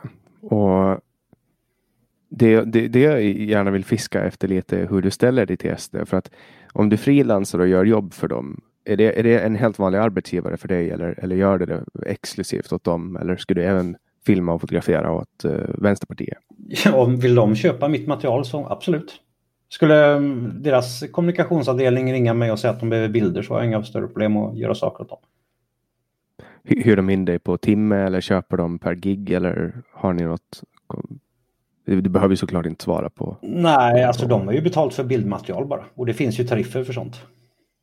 Mm. Och sitter du på plats med dem eller jobbar du hemifrån eller hur? Jag jobbar hemifrån. För, för jag, som jag har förstått det så har du sprungit runt inne på, på riksdagen förut också. Ja, jag var pressackrediterad som journalist. Det kan vilken journalist som helst bli. Mm. Det är inget konstigt med det. Det springer hundratals journalister där. Varje... Är du, det? Varje... Är du fortfarande pressackrediterad? Uh, nej, jag har inte ens sökt pressackreditering dit på ett, ett halvt, två år kanske. Det är det väl det senaste jag sökte. Ansökt om det. Mm. Jag har inte haft någon Varför slutade du med det då? Nej, jag, jag har inte haft en uppdrag direkt som, är, som har med att jag behöver springa riksdagen. Skulle mm. jag börja få en massa uppdrag igen att behöva vara där, då ansöker jag bara om akkreditering igen.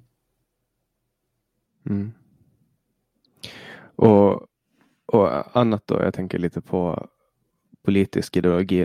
Nu förstår jag ju på det. Du säger att du är för den klassiska socialdemokratin men du vill se en borgerlig regering. Mm. Det konfliktar lite för mig. Nej, det konfliktar inte alls därför att den gamla socialdemokratin är konservativ. De, den gamla socialdemokratin handlar om att bevara det här landet. Att säkerställa det här landets existens, att värna om människorna som bodde i det här landet. Och att sakta, sakta förändra det.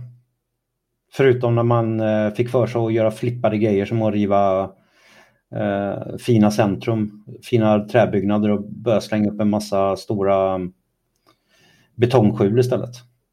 Du tycker på Klara kvarteren? Ja, det hände ju under hela, i hela Sverige under en period. Så att, eh.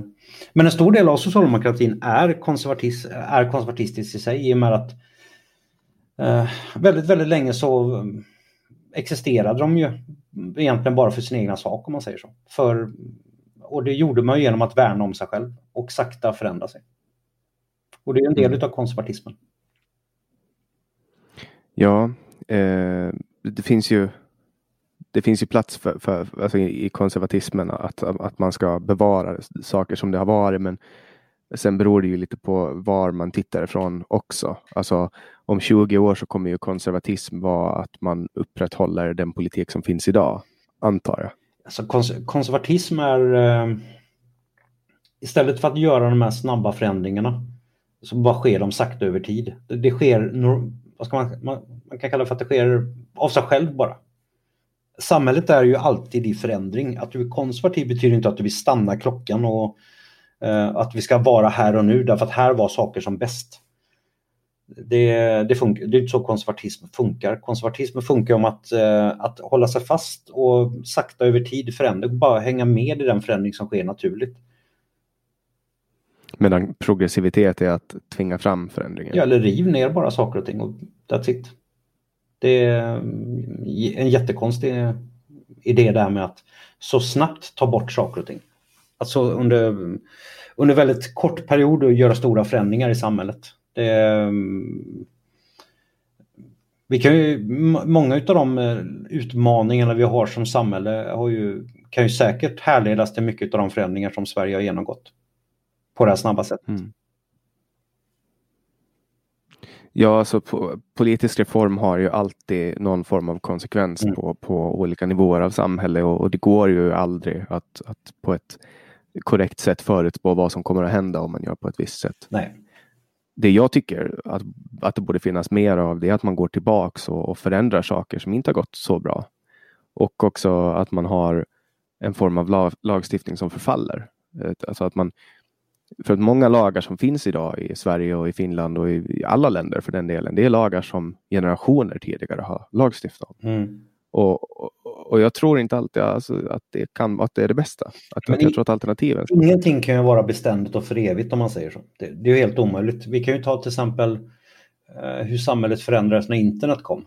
Eh, vi har inte mm. ens riktigt idag kommit överens knappt med vad gällande upphovsrätt och sådana saker, hur vissa saker och ting ska fungera bara för att internet kommit. Internet är ju egentligen, det är tekniskt väldigt avancerat men internet i sig är ju väldigt ett enkelt verktyg. Men det skapar ju nya juridiska problem och vissa saker arbetar vi fortfarande med.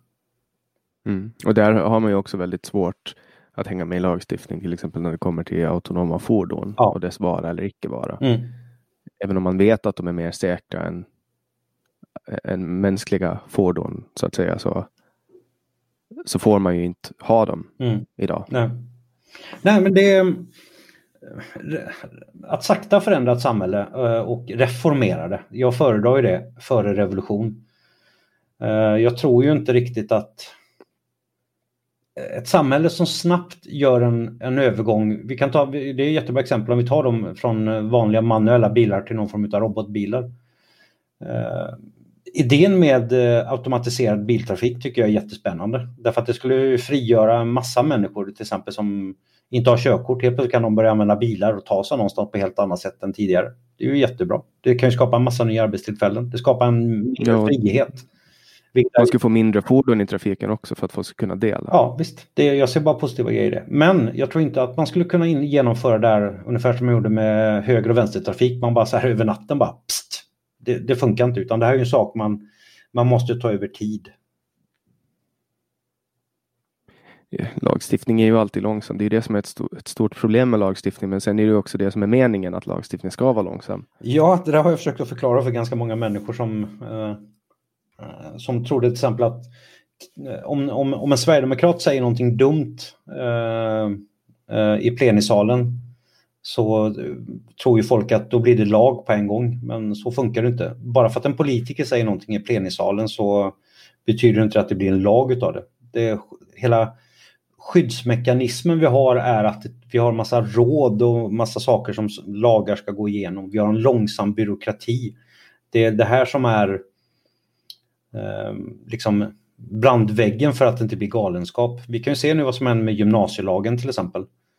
Eh, instanser gick ut och sa att det här är en fruktansvärt dålig lag. Men då var det ju så pass många politiker som hade investerat så mycket av sitt politiska kapital i det så att de var tvungna att genomföra den. Och, ja, det var, ju, det var ju specifikt lagrådet då, som gick ut och, och, sa att man inte skulle få ta igenom det. Och det är ju en, en expertinstans som på, på inget sätt är krävande för att en, en lag ska... Men det, det är ju som en, mm. en, en, remissinstans som ger återkoppling på lagen och i, i lagrådet så sitter ju de tyngsta eh, domarna, alltså pensionerade domare och, och, experter från lagberedningen och gamla, alltså det är ju en extremt tung liga ja. och, och gymnasielagen var väl första gången någonsin i Sverige man körde över lagrådet. Mm. Ja, jag tror inte det har hänt innan faktiskt, inte vad jag minns i alla fall. Uh, och det just det med, de med lagrådet och så, det är precis som du säger att det, det är liksom, där sitter de tyngsta nördarna. Och uh, de är bra att ha där. Jag, jag gillar uh, att saker och ting, allra helst när det kommer till politik och till lagstiftning, att det tar tid och verkligen tänks igenom. Eh, det finns ju massor av människor som vill införa liksom, eh, hårdare lagar kring eh, brott till exempel. Och det ska liksom införas nu. Men vi måste titta igenom det, liksom, hela det juridiska systemet. Vad innebär det här?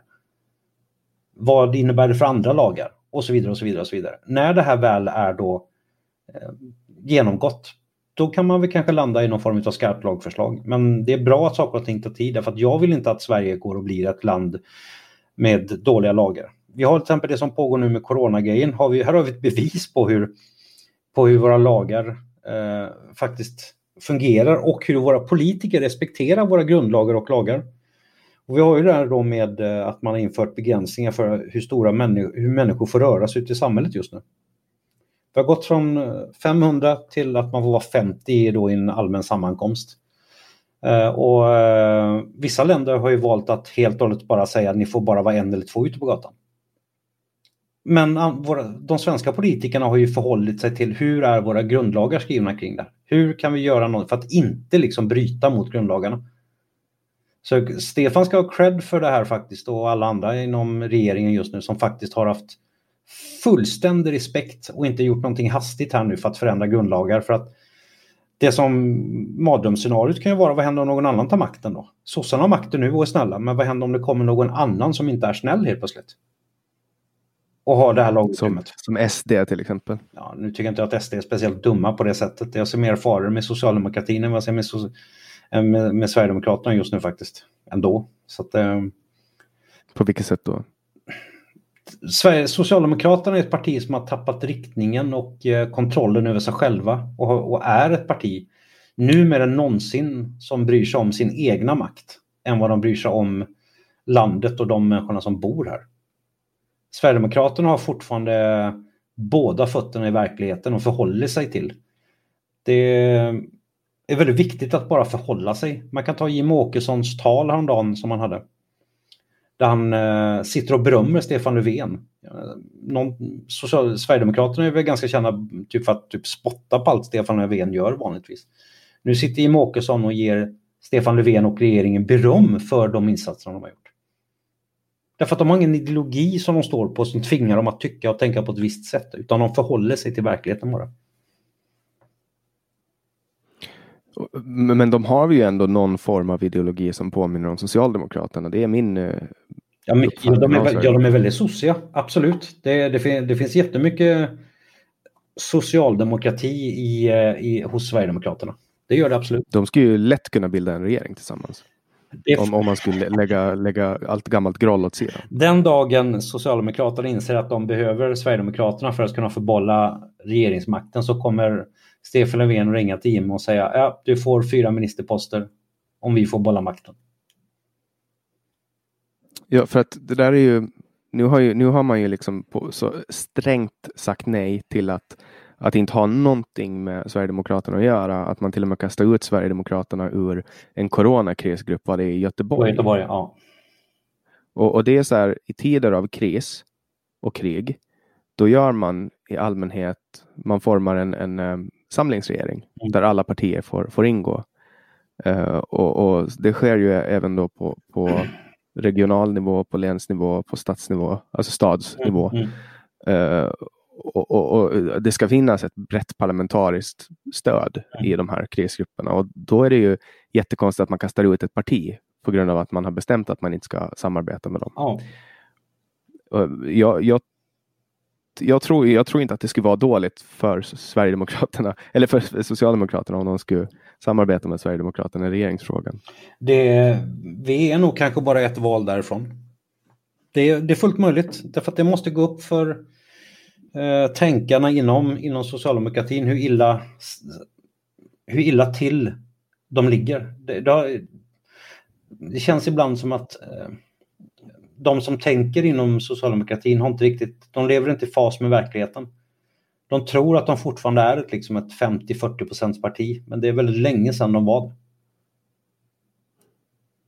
Ja, det var senast de hade egen majoritet var väl på eh, 70-talet. Mm, ja, jag kommer inte ihåg. Nej, det var tidigare. Ja, det var, tid ja, det var väl med Gunnar Sträng tror jag väl som de hade, tror jag väl, någon gång det. Sak samma, det är inte så viktigt just nu. Men de har haft egen majoritet en gång i tiden.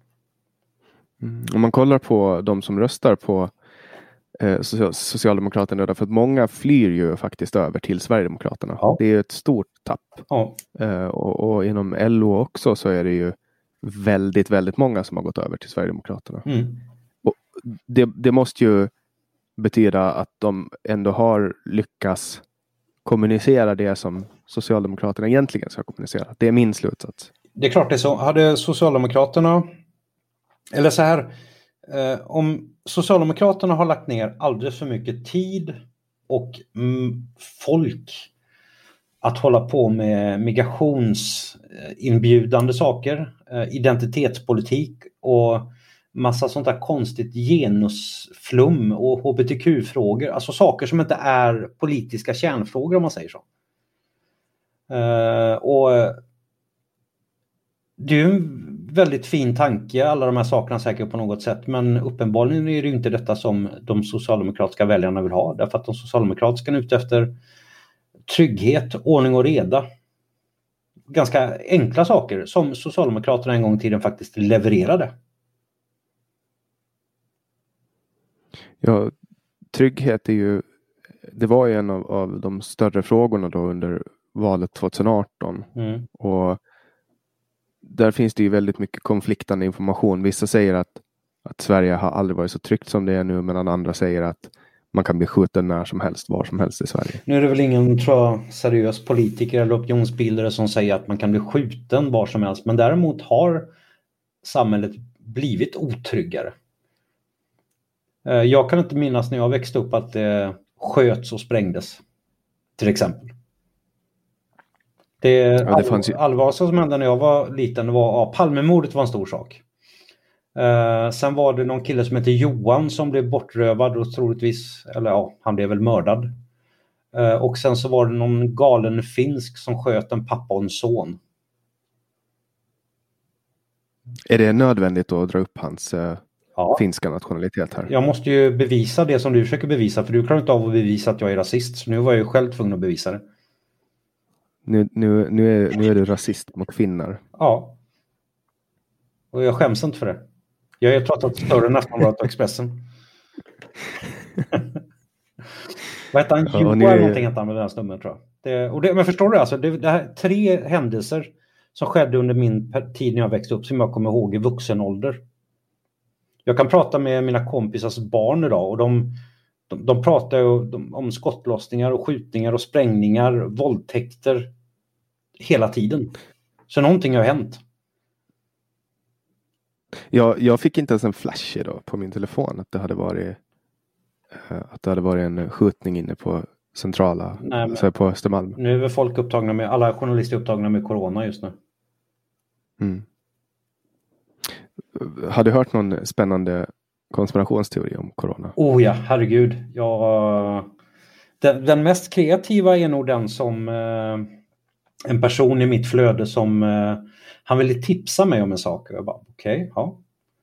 Ja, jag då skickade en länk på en Youtube-video som var nästan tre timmar lång tror jag. Och det var någon salig röra av rymdödlor eh, och bankirer. Eh, och med bankirer så menar jag då att han försökte antyda att det handlade om eh, att det var judarna som låg bakom det här. Och rymdödlor.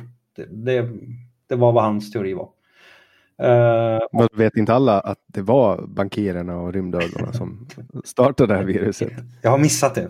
Shit. Är du, är du faktaresistent eller? Tydligen.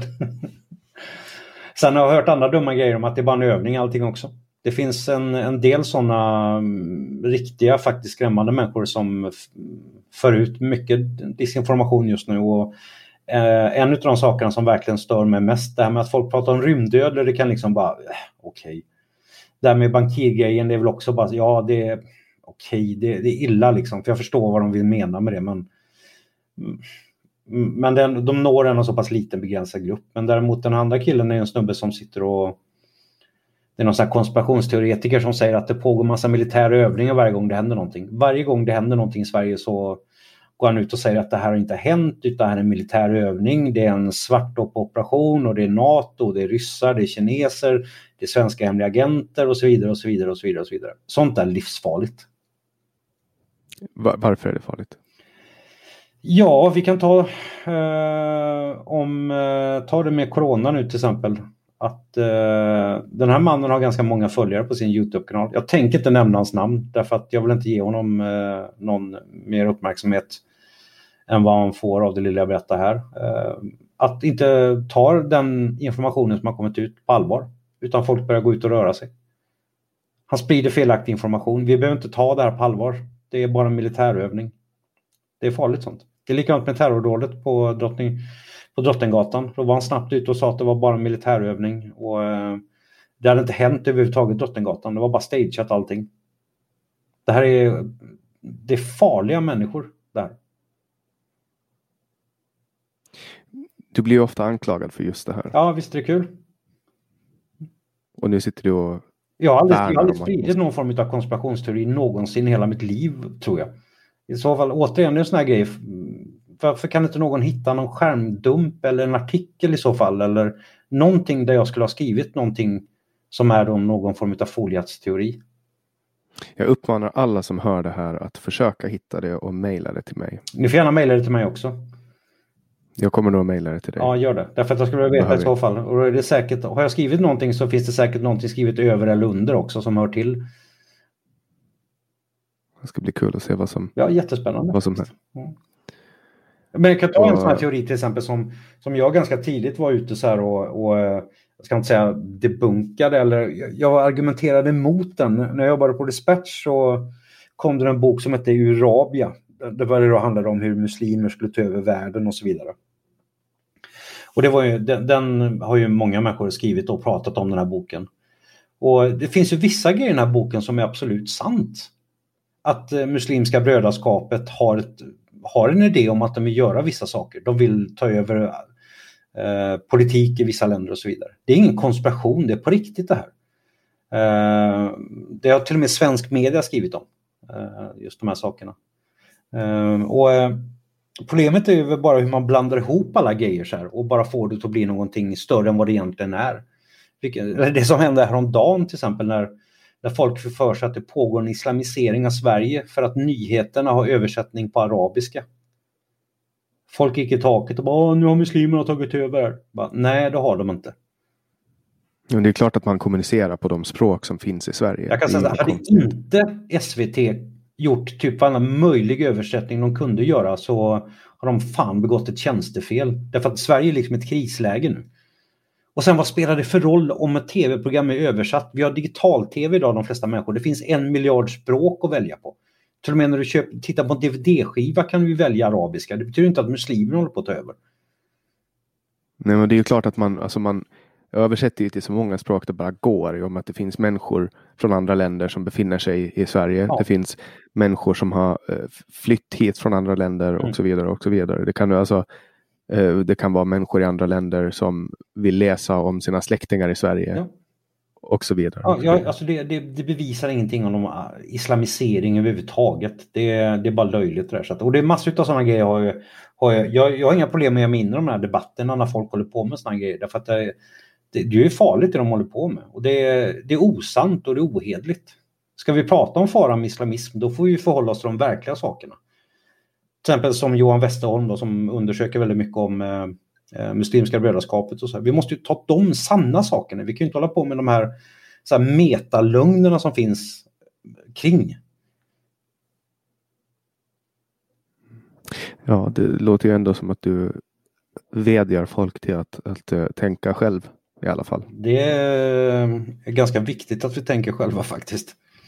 Och jag gillar folk som tänker själva. Det, det är det jag menar med det här. Varför ska jag hålla på att ta avstånd från människor eh, till höger och vänster? Jag vill att folk ska få tänka fritt och tänka själva oavsett hur, tankar, hur dumma tankar de än har. Det är väldigt viktigt att folk får tänka fritt och de får tänka idiotiskt. Jag tänker stå upp för alla människors rätt att få tänka idiotiskt. Därför att det är ingen mening att skydda alla andra människor som redan tänker rätt. Det är inte de som behöver skyddas. Det är alla människor som har de annorlunda idéerna, de annorlunda tankarna. Det är de som man måste liksom se till att de får finnas. Sen om de är idiotiska grejer och om du, om du tänker att du vill gå ut och slå ner en människa från en viss religiös grupp, det, det går inte att stoppa sånt och vi ska inte stoppa sånt. Om du däremot går ut och gör det och går ut och skriver det på Facebook, nu ska jag gå ut och slå den här människan bara för att han eller hon, hon bär slöja, därför ska jag slå ner henne. Det är fel. Sen om du tänker det, det är väl en sak. Det, det är när du börjar kommunicera ut det som det börjar tendera att bli jäkligt olagligt. Vad, vad, tycker du om, om lagen om hets mot folkgrupp? Fruktansvärt knasig lag. Alltså det, det, är, det är förbjudet att slå folk på truten, punkt. Det har jag papper på att det är. Så jag borde ändå ses som lite av expert på, på ämnet, eller hur? expert, expert. Nej, hets mot folkgrupp är en dålig lag. Jag förstår, här har du kanske lite av problematiken med liksom det här efterkrigstiden eh, här i Europa och alldeles i Sverige. Att vi, vi, liksom, vi har ju nått, jag menar, vi har ju tagit Maslows behovstrappa och sprungit förbi alla stegen och befinner oss nu liksom uppe i, i de rosa molnen här. Jag förstår idén på något sätt, det känslomässiga idén kring varför man vill göra detta. Men det, det, är en vansinnig lag i och med att den, den är ju godtycklig och man vrider och vänder på den. Det, det ska räcka, i ett stabilt land ska det räcka med, i ett land med, med som, har ett, som, en, som, har, som står på en stabil rättsgrund och som har demokrati så borde det räcka med en lag som säger att du slår inte människor på truten, punkt. Tycker du att man borde förbjuda Nordiska motståndsrörelsen? Absolut inte. Jag tycker inte att man ska förbjuda AFA eller Revolutionära fronten eller researchgruppen. Jag tycker inte man ska förbjuda någon organisation. Därför att låt de här människorna, återigen, vill människor vara idioter, låt dem få vara idioter. Sen vad de gör, det är där vi får... Det är där vi måste på något sätt gå in och försöka göra saker och ting. Då måste vi stoppa det. Om, om fyra snubbar väljer att sitta i en källare och prata illa om en folkgrupp, låt dem göra det. Jag menar, de har ju varken gjort världen bättre eller sämre genom att de fyra sitter och säger dumma saker om en annan folkgrupp. Om de försöker radikalisera folk då? Ja, men det får de väl också försöka med. Det är först när de här gör farliga saker. Och tack gode gud så har vi ju faktiskt underrättelseverksamhet i det här landet som har koll på sådana här människor. Islamister, högerextremister, vänsterextremister. För det, är ju det som är problemet med en demokrati, att man ska tillåta väldigt mycket men någonstans har ju demokratin också en, en vad ska man säga, en, en lägsta nivå eller högsta nivå. Där vi måste faktiskt säga att de här människorna är farliga så vi kanske måste ha lite koll på dem. Och det har vi ju på NMR. Och islamisterna och vänsterextremisterna och alla de här miljömänniskorna och djurvännerna och folk som äter ost och inte gillar ost. Och folk, jag vet inte, det finns så mycket konstiga grupper numera. Men, men eh, Säpo pratar inte om sina metoder antar jag för hur de trackar de här? Det är väl bara att gå in på deras hemsida och läsa vad de gör. De släpper mm, rapporter ganska ofta. Jag tänker på typ om de lyssnar på telefonsamtal och hackar deras datorer och sånt. Det kan jag mycket väl tänka mig att ingår i deras arbete faktiskt. Fan vilket spännande jobb. Tänk att få sitta och hacka någons dator och gräva i någons uh, liv. Jag har en eh, bekant som har en eh, partner som eh, faktiskt jobbar med just sånt. Jag tror inte hon har speciellt kul på sitt jobb. Jag, jag tycker att det skulle säkert vara spännande. Det är liksom next level. Det är väl bra i övervakningssyfte för att hålla koll på de här människorna, absolut. Jag tycker det är en, till och med en eh, rättsstat med en stark demokrati måste, det är det som är grejen här, vart drar vi linjen liksom? Det farliga med som pågår just nu i samhället är ju det här med att man ska då eh, in, man håller ju på väg att införa det här med tankeverksamhet, liksom att eh, en form av tankepolis. Vi har snackat om värdegrund och sådana saker. Det, det där är, inskränk, det, det är så mjuka inskränkningar som folk liksom inte riktigt förstår vad det innebär, men de går bara med på det. För det gäller ju inte dem ju. Det är ungefär som i mitt fall. Jag var ju ganska tidig med att gå ut på Twitter och Facebook och kritisera vissa saker. För 12 år sedan, eller 10 år sedan, då var det knappt ingen annan som gjorde det här. Och då fick jag ju alla andra titlar och stämplar på mig och man blockade mig och man stängde ner mig och man anmälde och så vidare. Och så vidare. Och jag sa så här att gör det här ni, snart kommer det att drabba er andra också. Nej, det drabbar inte oss, vi är ju de snälla. Och idag är det ju liksom andra människor som också ändå har varit de goda, som också blir anmälda. De får sitt material bortplockat från Youtube och Facebook och så vidare. Ja, eh, och de plattformarna har ju, det har ju skett mycket politisering eh, där. Alltså jag tänker på Youtube och Patreon och sådana som har plockat bort mm folk som har haft åsikter som inte har varit uppskattade. De har ju rätt att göra det. Jag menar, Facebook har ju som sagt var stängt av mig och blockerat mig hur många gånger som helst. Och rent generellt har jag väl så här, jag har inga större problem med det egentligen. Facebook är ett privat företag. Det är deras regler som gäller. Problemet med deras regler är att de säger att vi har en värdegrund eller det här bryter mot vårt gemenskapsavtal.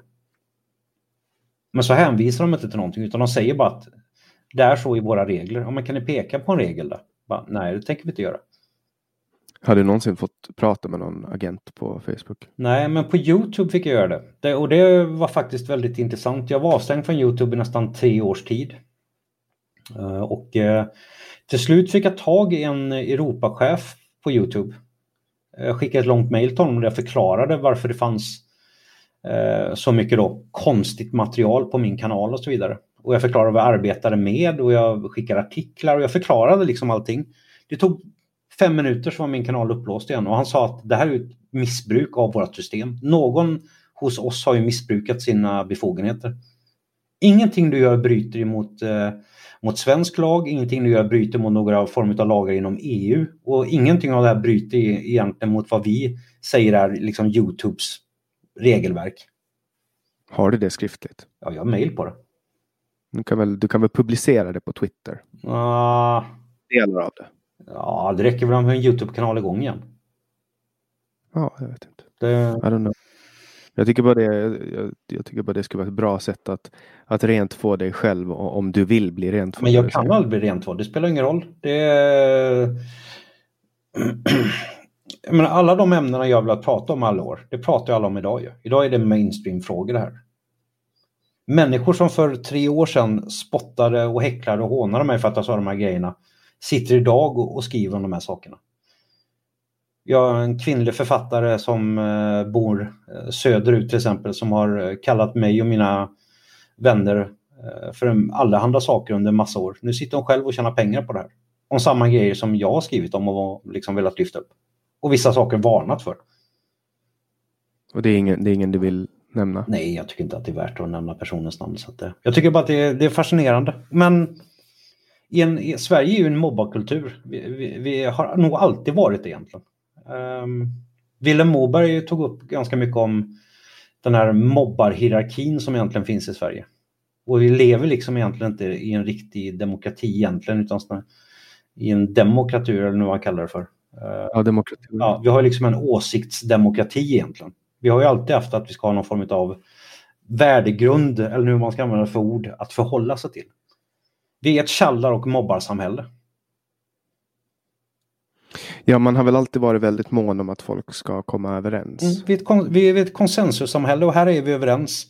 Och det, det är på gott och ont alltså. Det är, det är tack vare konsensus vi lyckades att bygga eh, ett extremt bra land med, med välfärd och trygghet och säkerhet, social trygghet för väldigt många människor. Att vi inte har det idag beror på att eh, vi har större och större grupper som inte har samma form av konsensus. Vilka grupper är det då? Ja, det är människor i det här landet som inte tycker att vi ska ha en välfärd på det sättet längre eller som inte respekterar de reglerna som, som finns kring att ha en välfärd. Det handlar inte om invandrare det här om det är det du är ute efter. Det handlar om att vi har en ökande grupp människor överlag i Sverige som inte respekterar de reglerna som byggde landet. Det vill säga att du gör rätt för dig. Mm. Och sen får du belöningen efteråt. Så det, jag var inte ute efter att säga någonting om invandrare nu. Men du, du märkte ändå att jag fiskar efter Jag det. vet att du fiskar efter det. Jag, jag, tycker att det är spännande att du aldrig någonsin har fått vara med i en podd innan. Trots att du ändå, jag, jag tycker att du med råge har passerat den um, the threshold som krävs för att bli aktuell för en podd. Och så kommer jag från ingenstans och får med dig. Ja, jag har ju för sig varit med i en podd innan, Verkspodden heter den, vilket är en liten skämtsammare podd sådär, och den har inte så många lyssnare, men det är inte så många gånger jag varit med där. Så jag har faktiskt varit med i en podd, förlåt. Mm, men jag tycker ändå att det, ja, jag, jag, tycker att det är intressant att, att du är så radioaktiv att man inte får röra dig. Mm. Men det är som sagt var, har man bestämt sig för att någon ska vara utmobbad så är den personen utmobbad. Vi kan ta... Ser du dig själv som ett offer? Då? Absolut inte. Det är, herregud, det, det som har hänt, liksom den här utfrysningen eller mobbningen, det är det bästa som har hänt mig. Hur många människor blir omskrivna i stora tidningar bara för att de råkar finnas? Liksom? Det är ju helt suveränt ju. Ja, om man, om man gillar uppmärksamheten. Så, det handlar inte om uppmärksamheten. Det handlar liksom om att eh, gör hellre ovänner än vänner. Vänner, så här, ovänner tänker på dig hela tiden. Vänner tänker på dig när de har behov av dig. Till exempel när, du, till exempel när de vill ha flytthjälp och sådana saker. så kan det ju vara, ja. Absolut.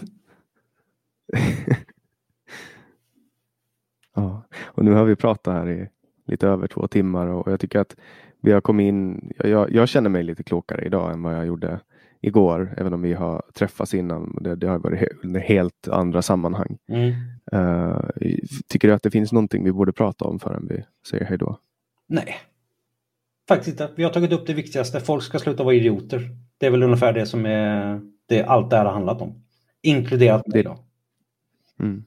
Tycker du att du är en idiot? Det är klart jag är en idiot, annars hade jag väl inte suttit och gjort det jag gjort. Tycker du att jag är en idiot? Annars hade inte du suttit här. Perfekt, då tackar vi Roger Salle Salström så jättemycket för att du har varit med i, i podden. Uh, och vi släpper nya samtal alla onsdagar även nu under kristider så kommer jag tyvärr att få gå ut och göra det här på internet. Och det kommer med lite extra kostnader eftersom jag fortsättningsvis vill hålla kvaliteten. Så, så har jag fått ta in lite nya system som är väldigt kostsamma. Så ni får väldigt, väldigt gärna swisha 0703522472 en liten donation för att täcka det här. Jag hoppas att jag så snabbt som möjligt kan vara ute eh, face to face och träffa folk igen. Eh, ni kan också gå in på patreon.com samtal och, och, donera där på månadsbasis. Det skapar lite mera trygghet.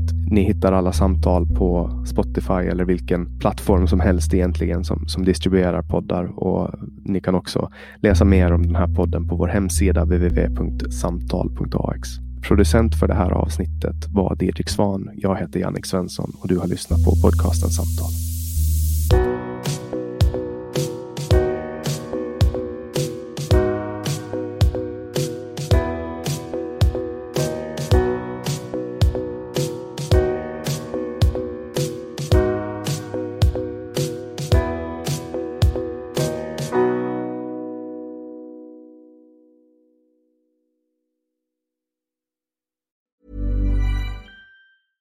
We're on a budget, we still deserve nice things.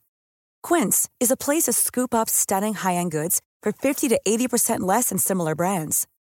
They have buttery soft cashmere sweaters starting at $50, luxurious Italian leather bags, and so much more. Plus, Quince only works with factories that use safe, ethical, and responsible manufacturing. Get the high-end goods you'll love without the high price tag with Quince.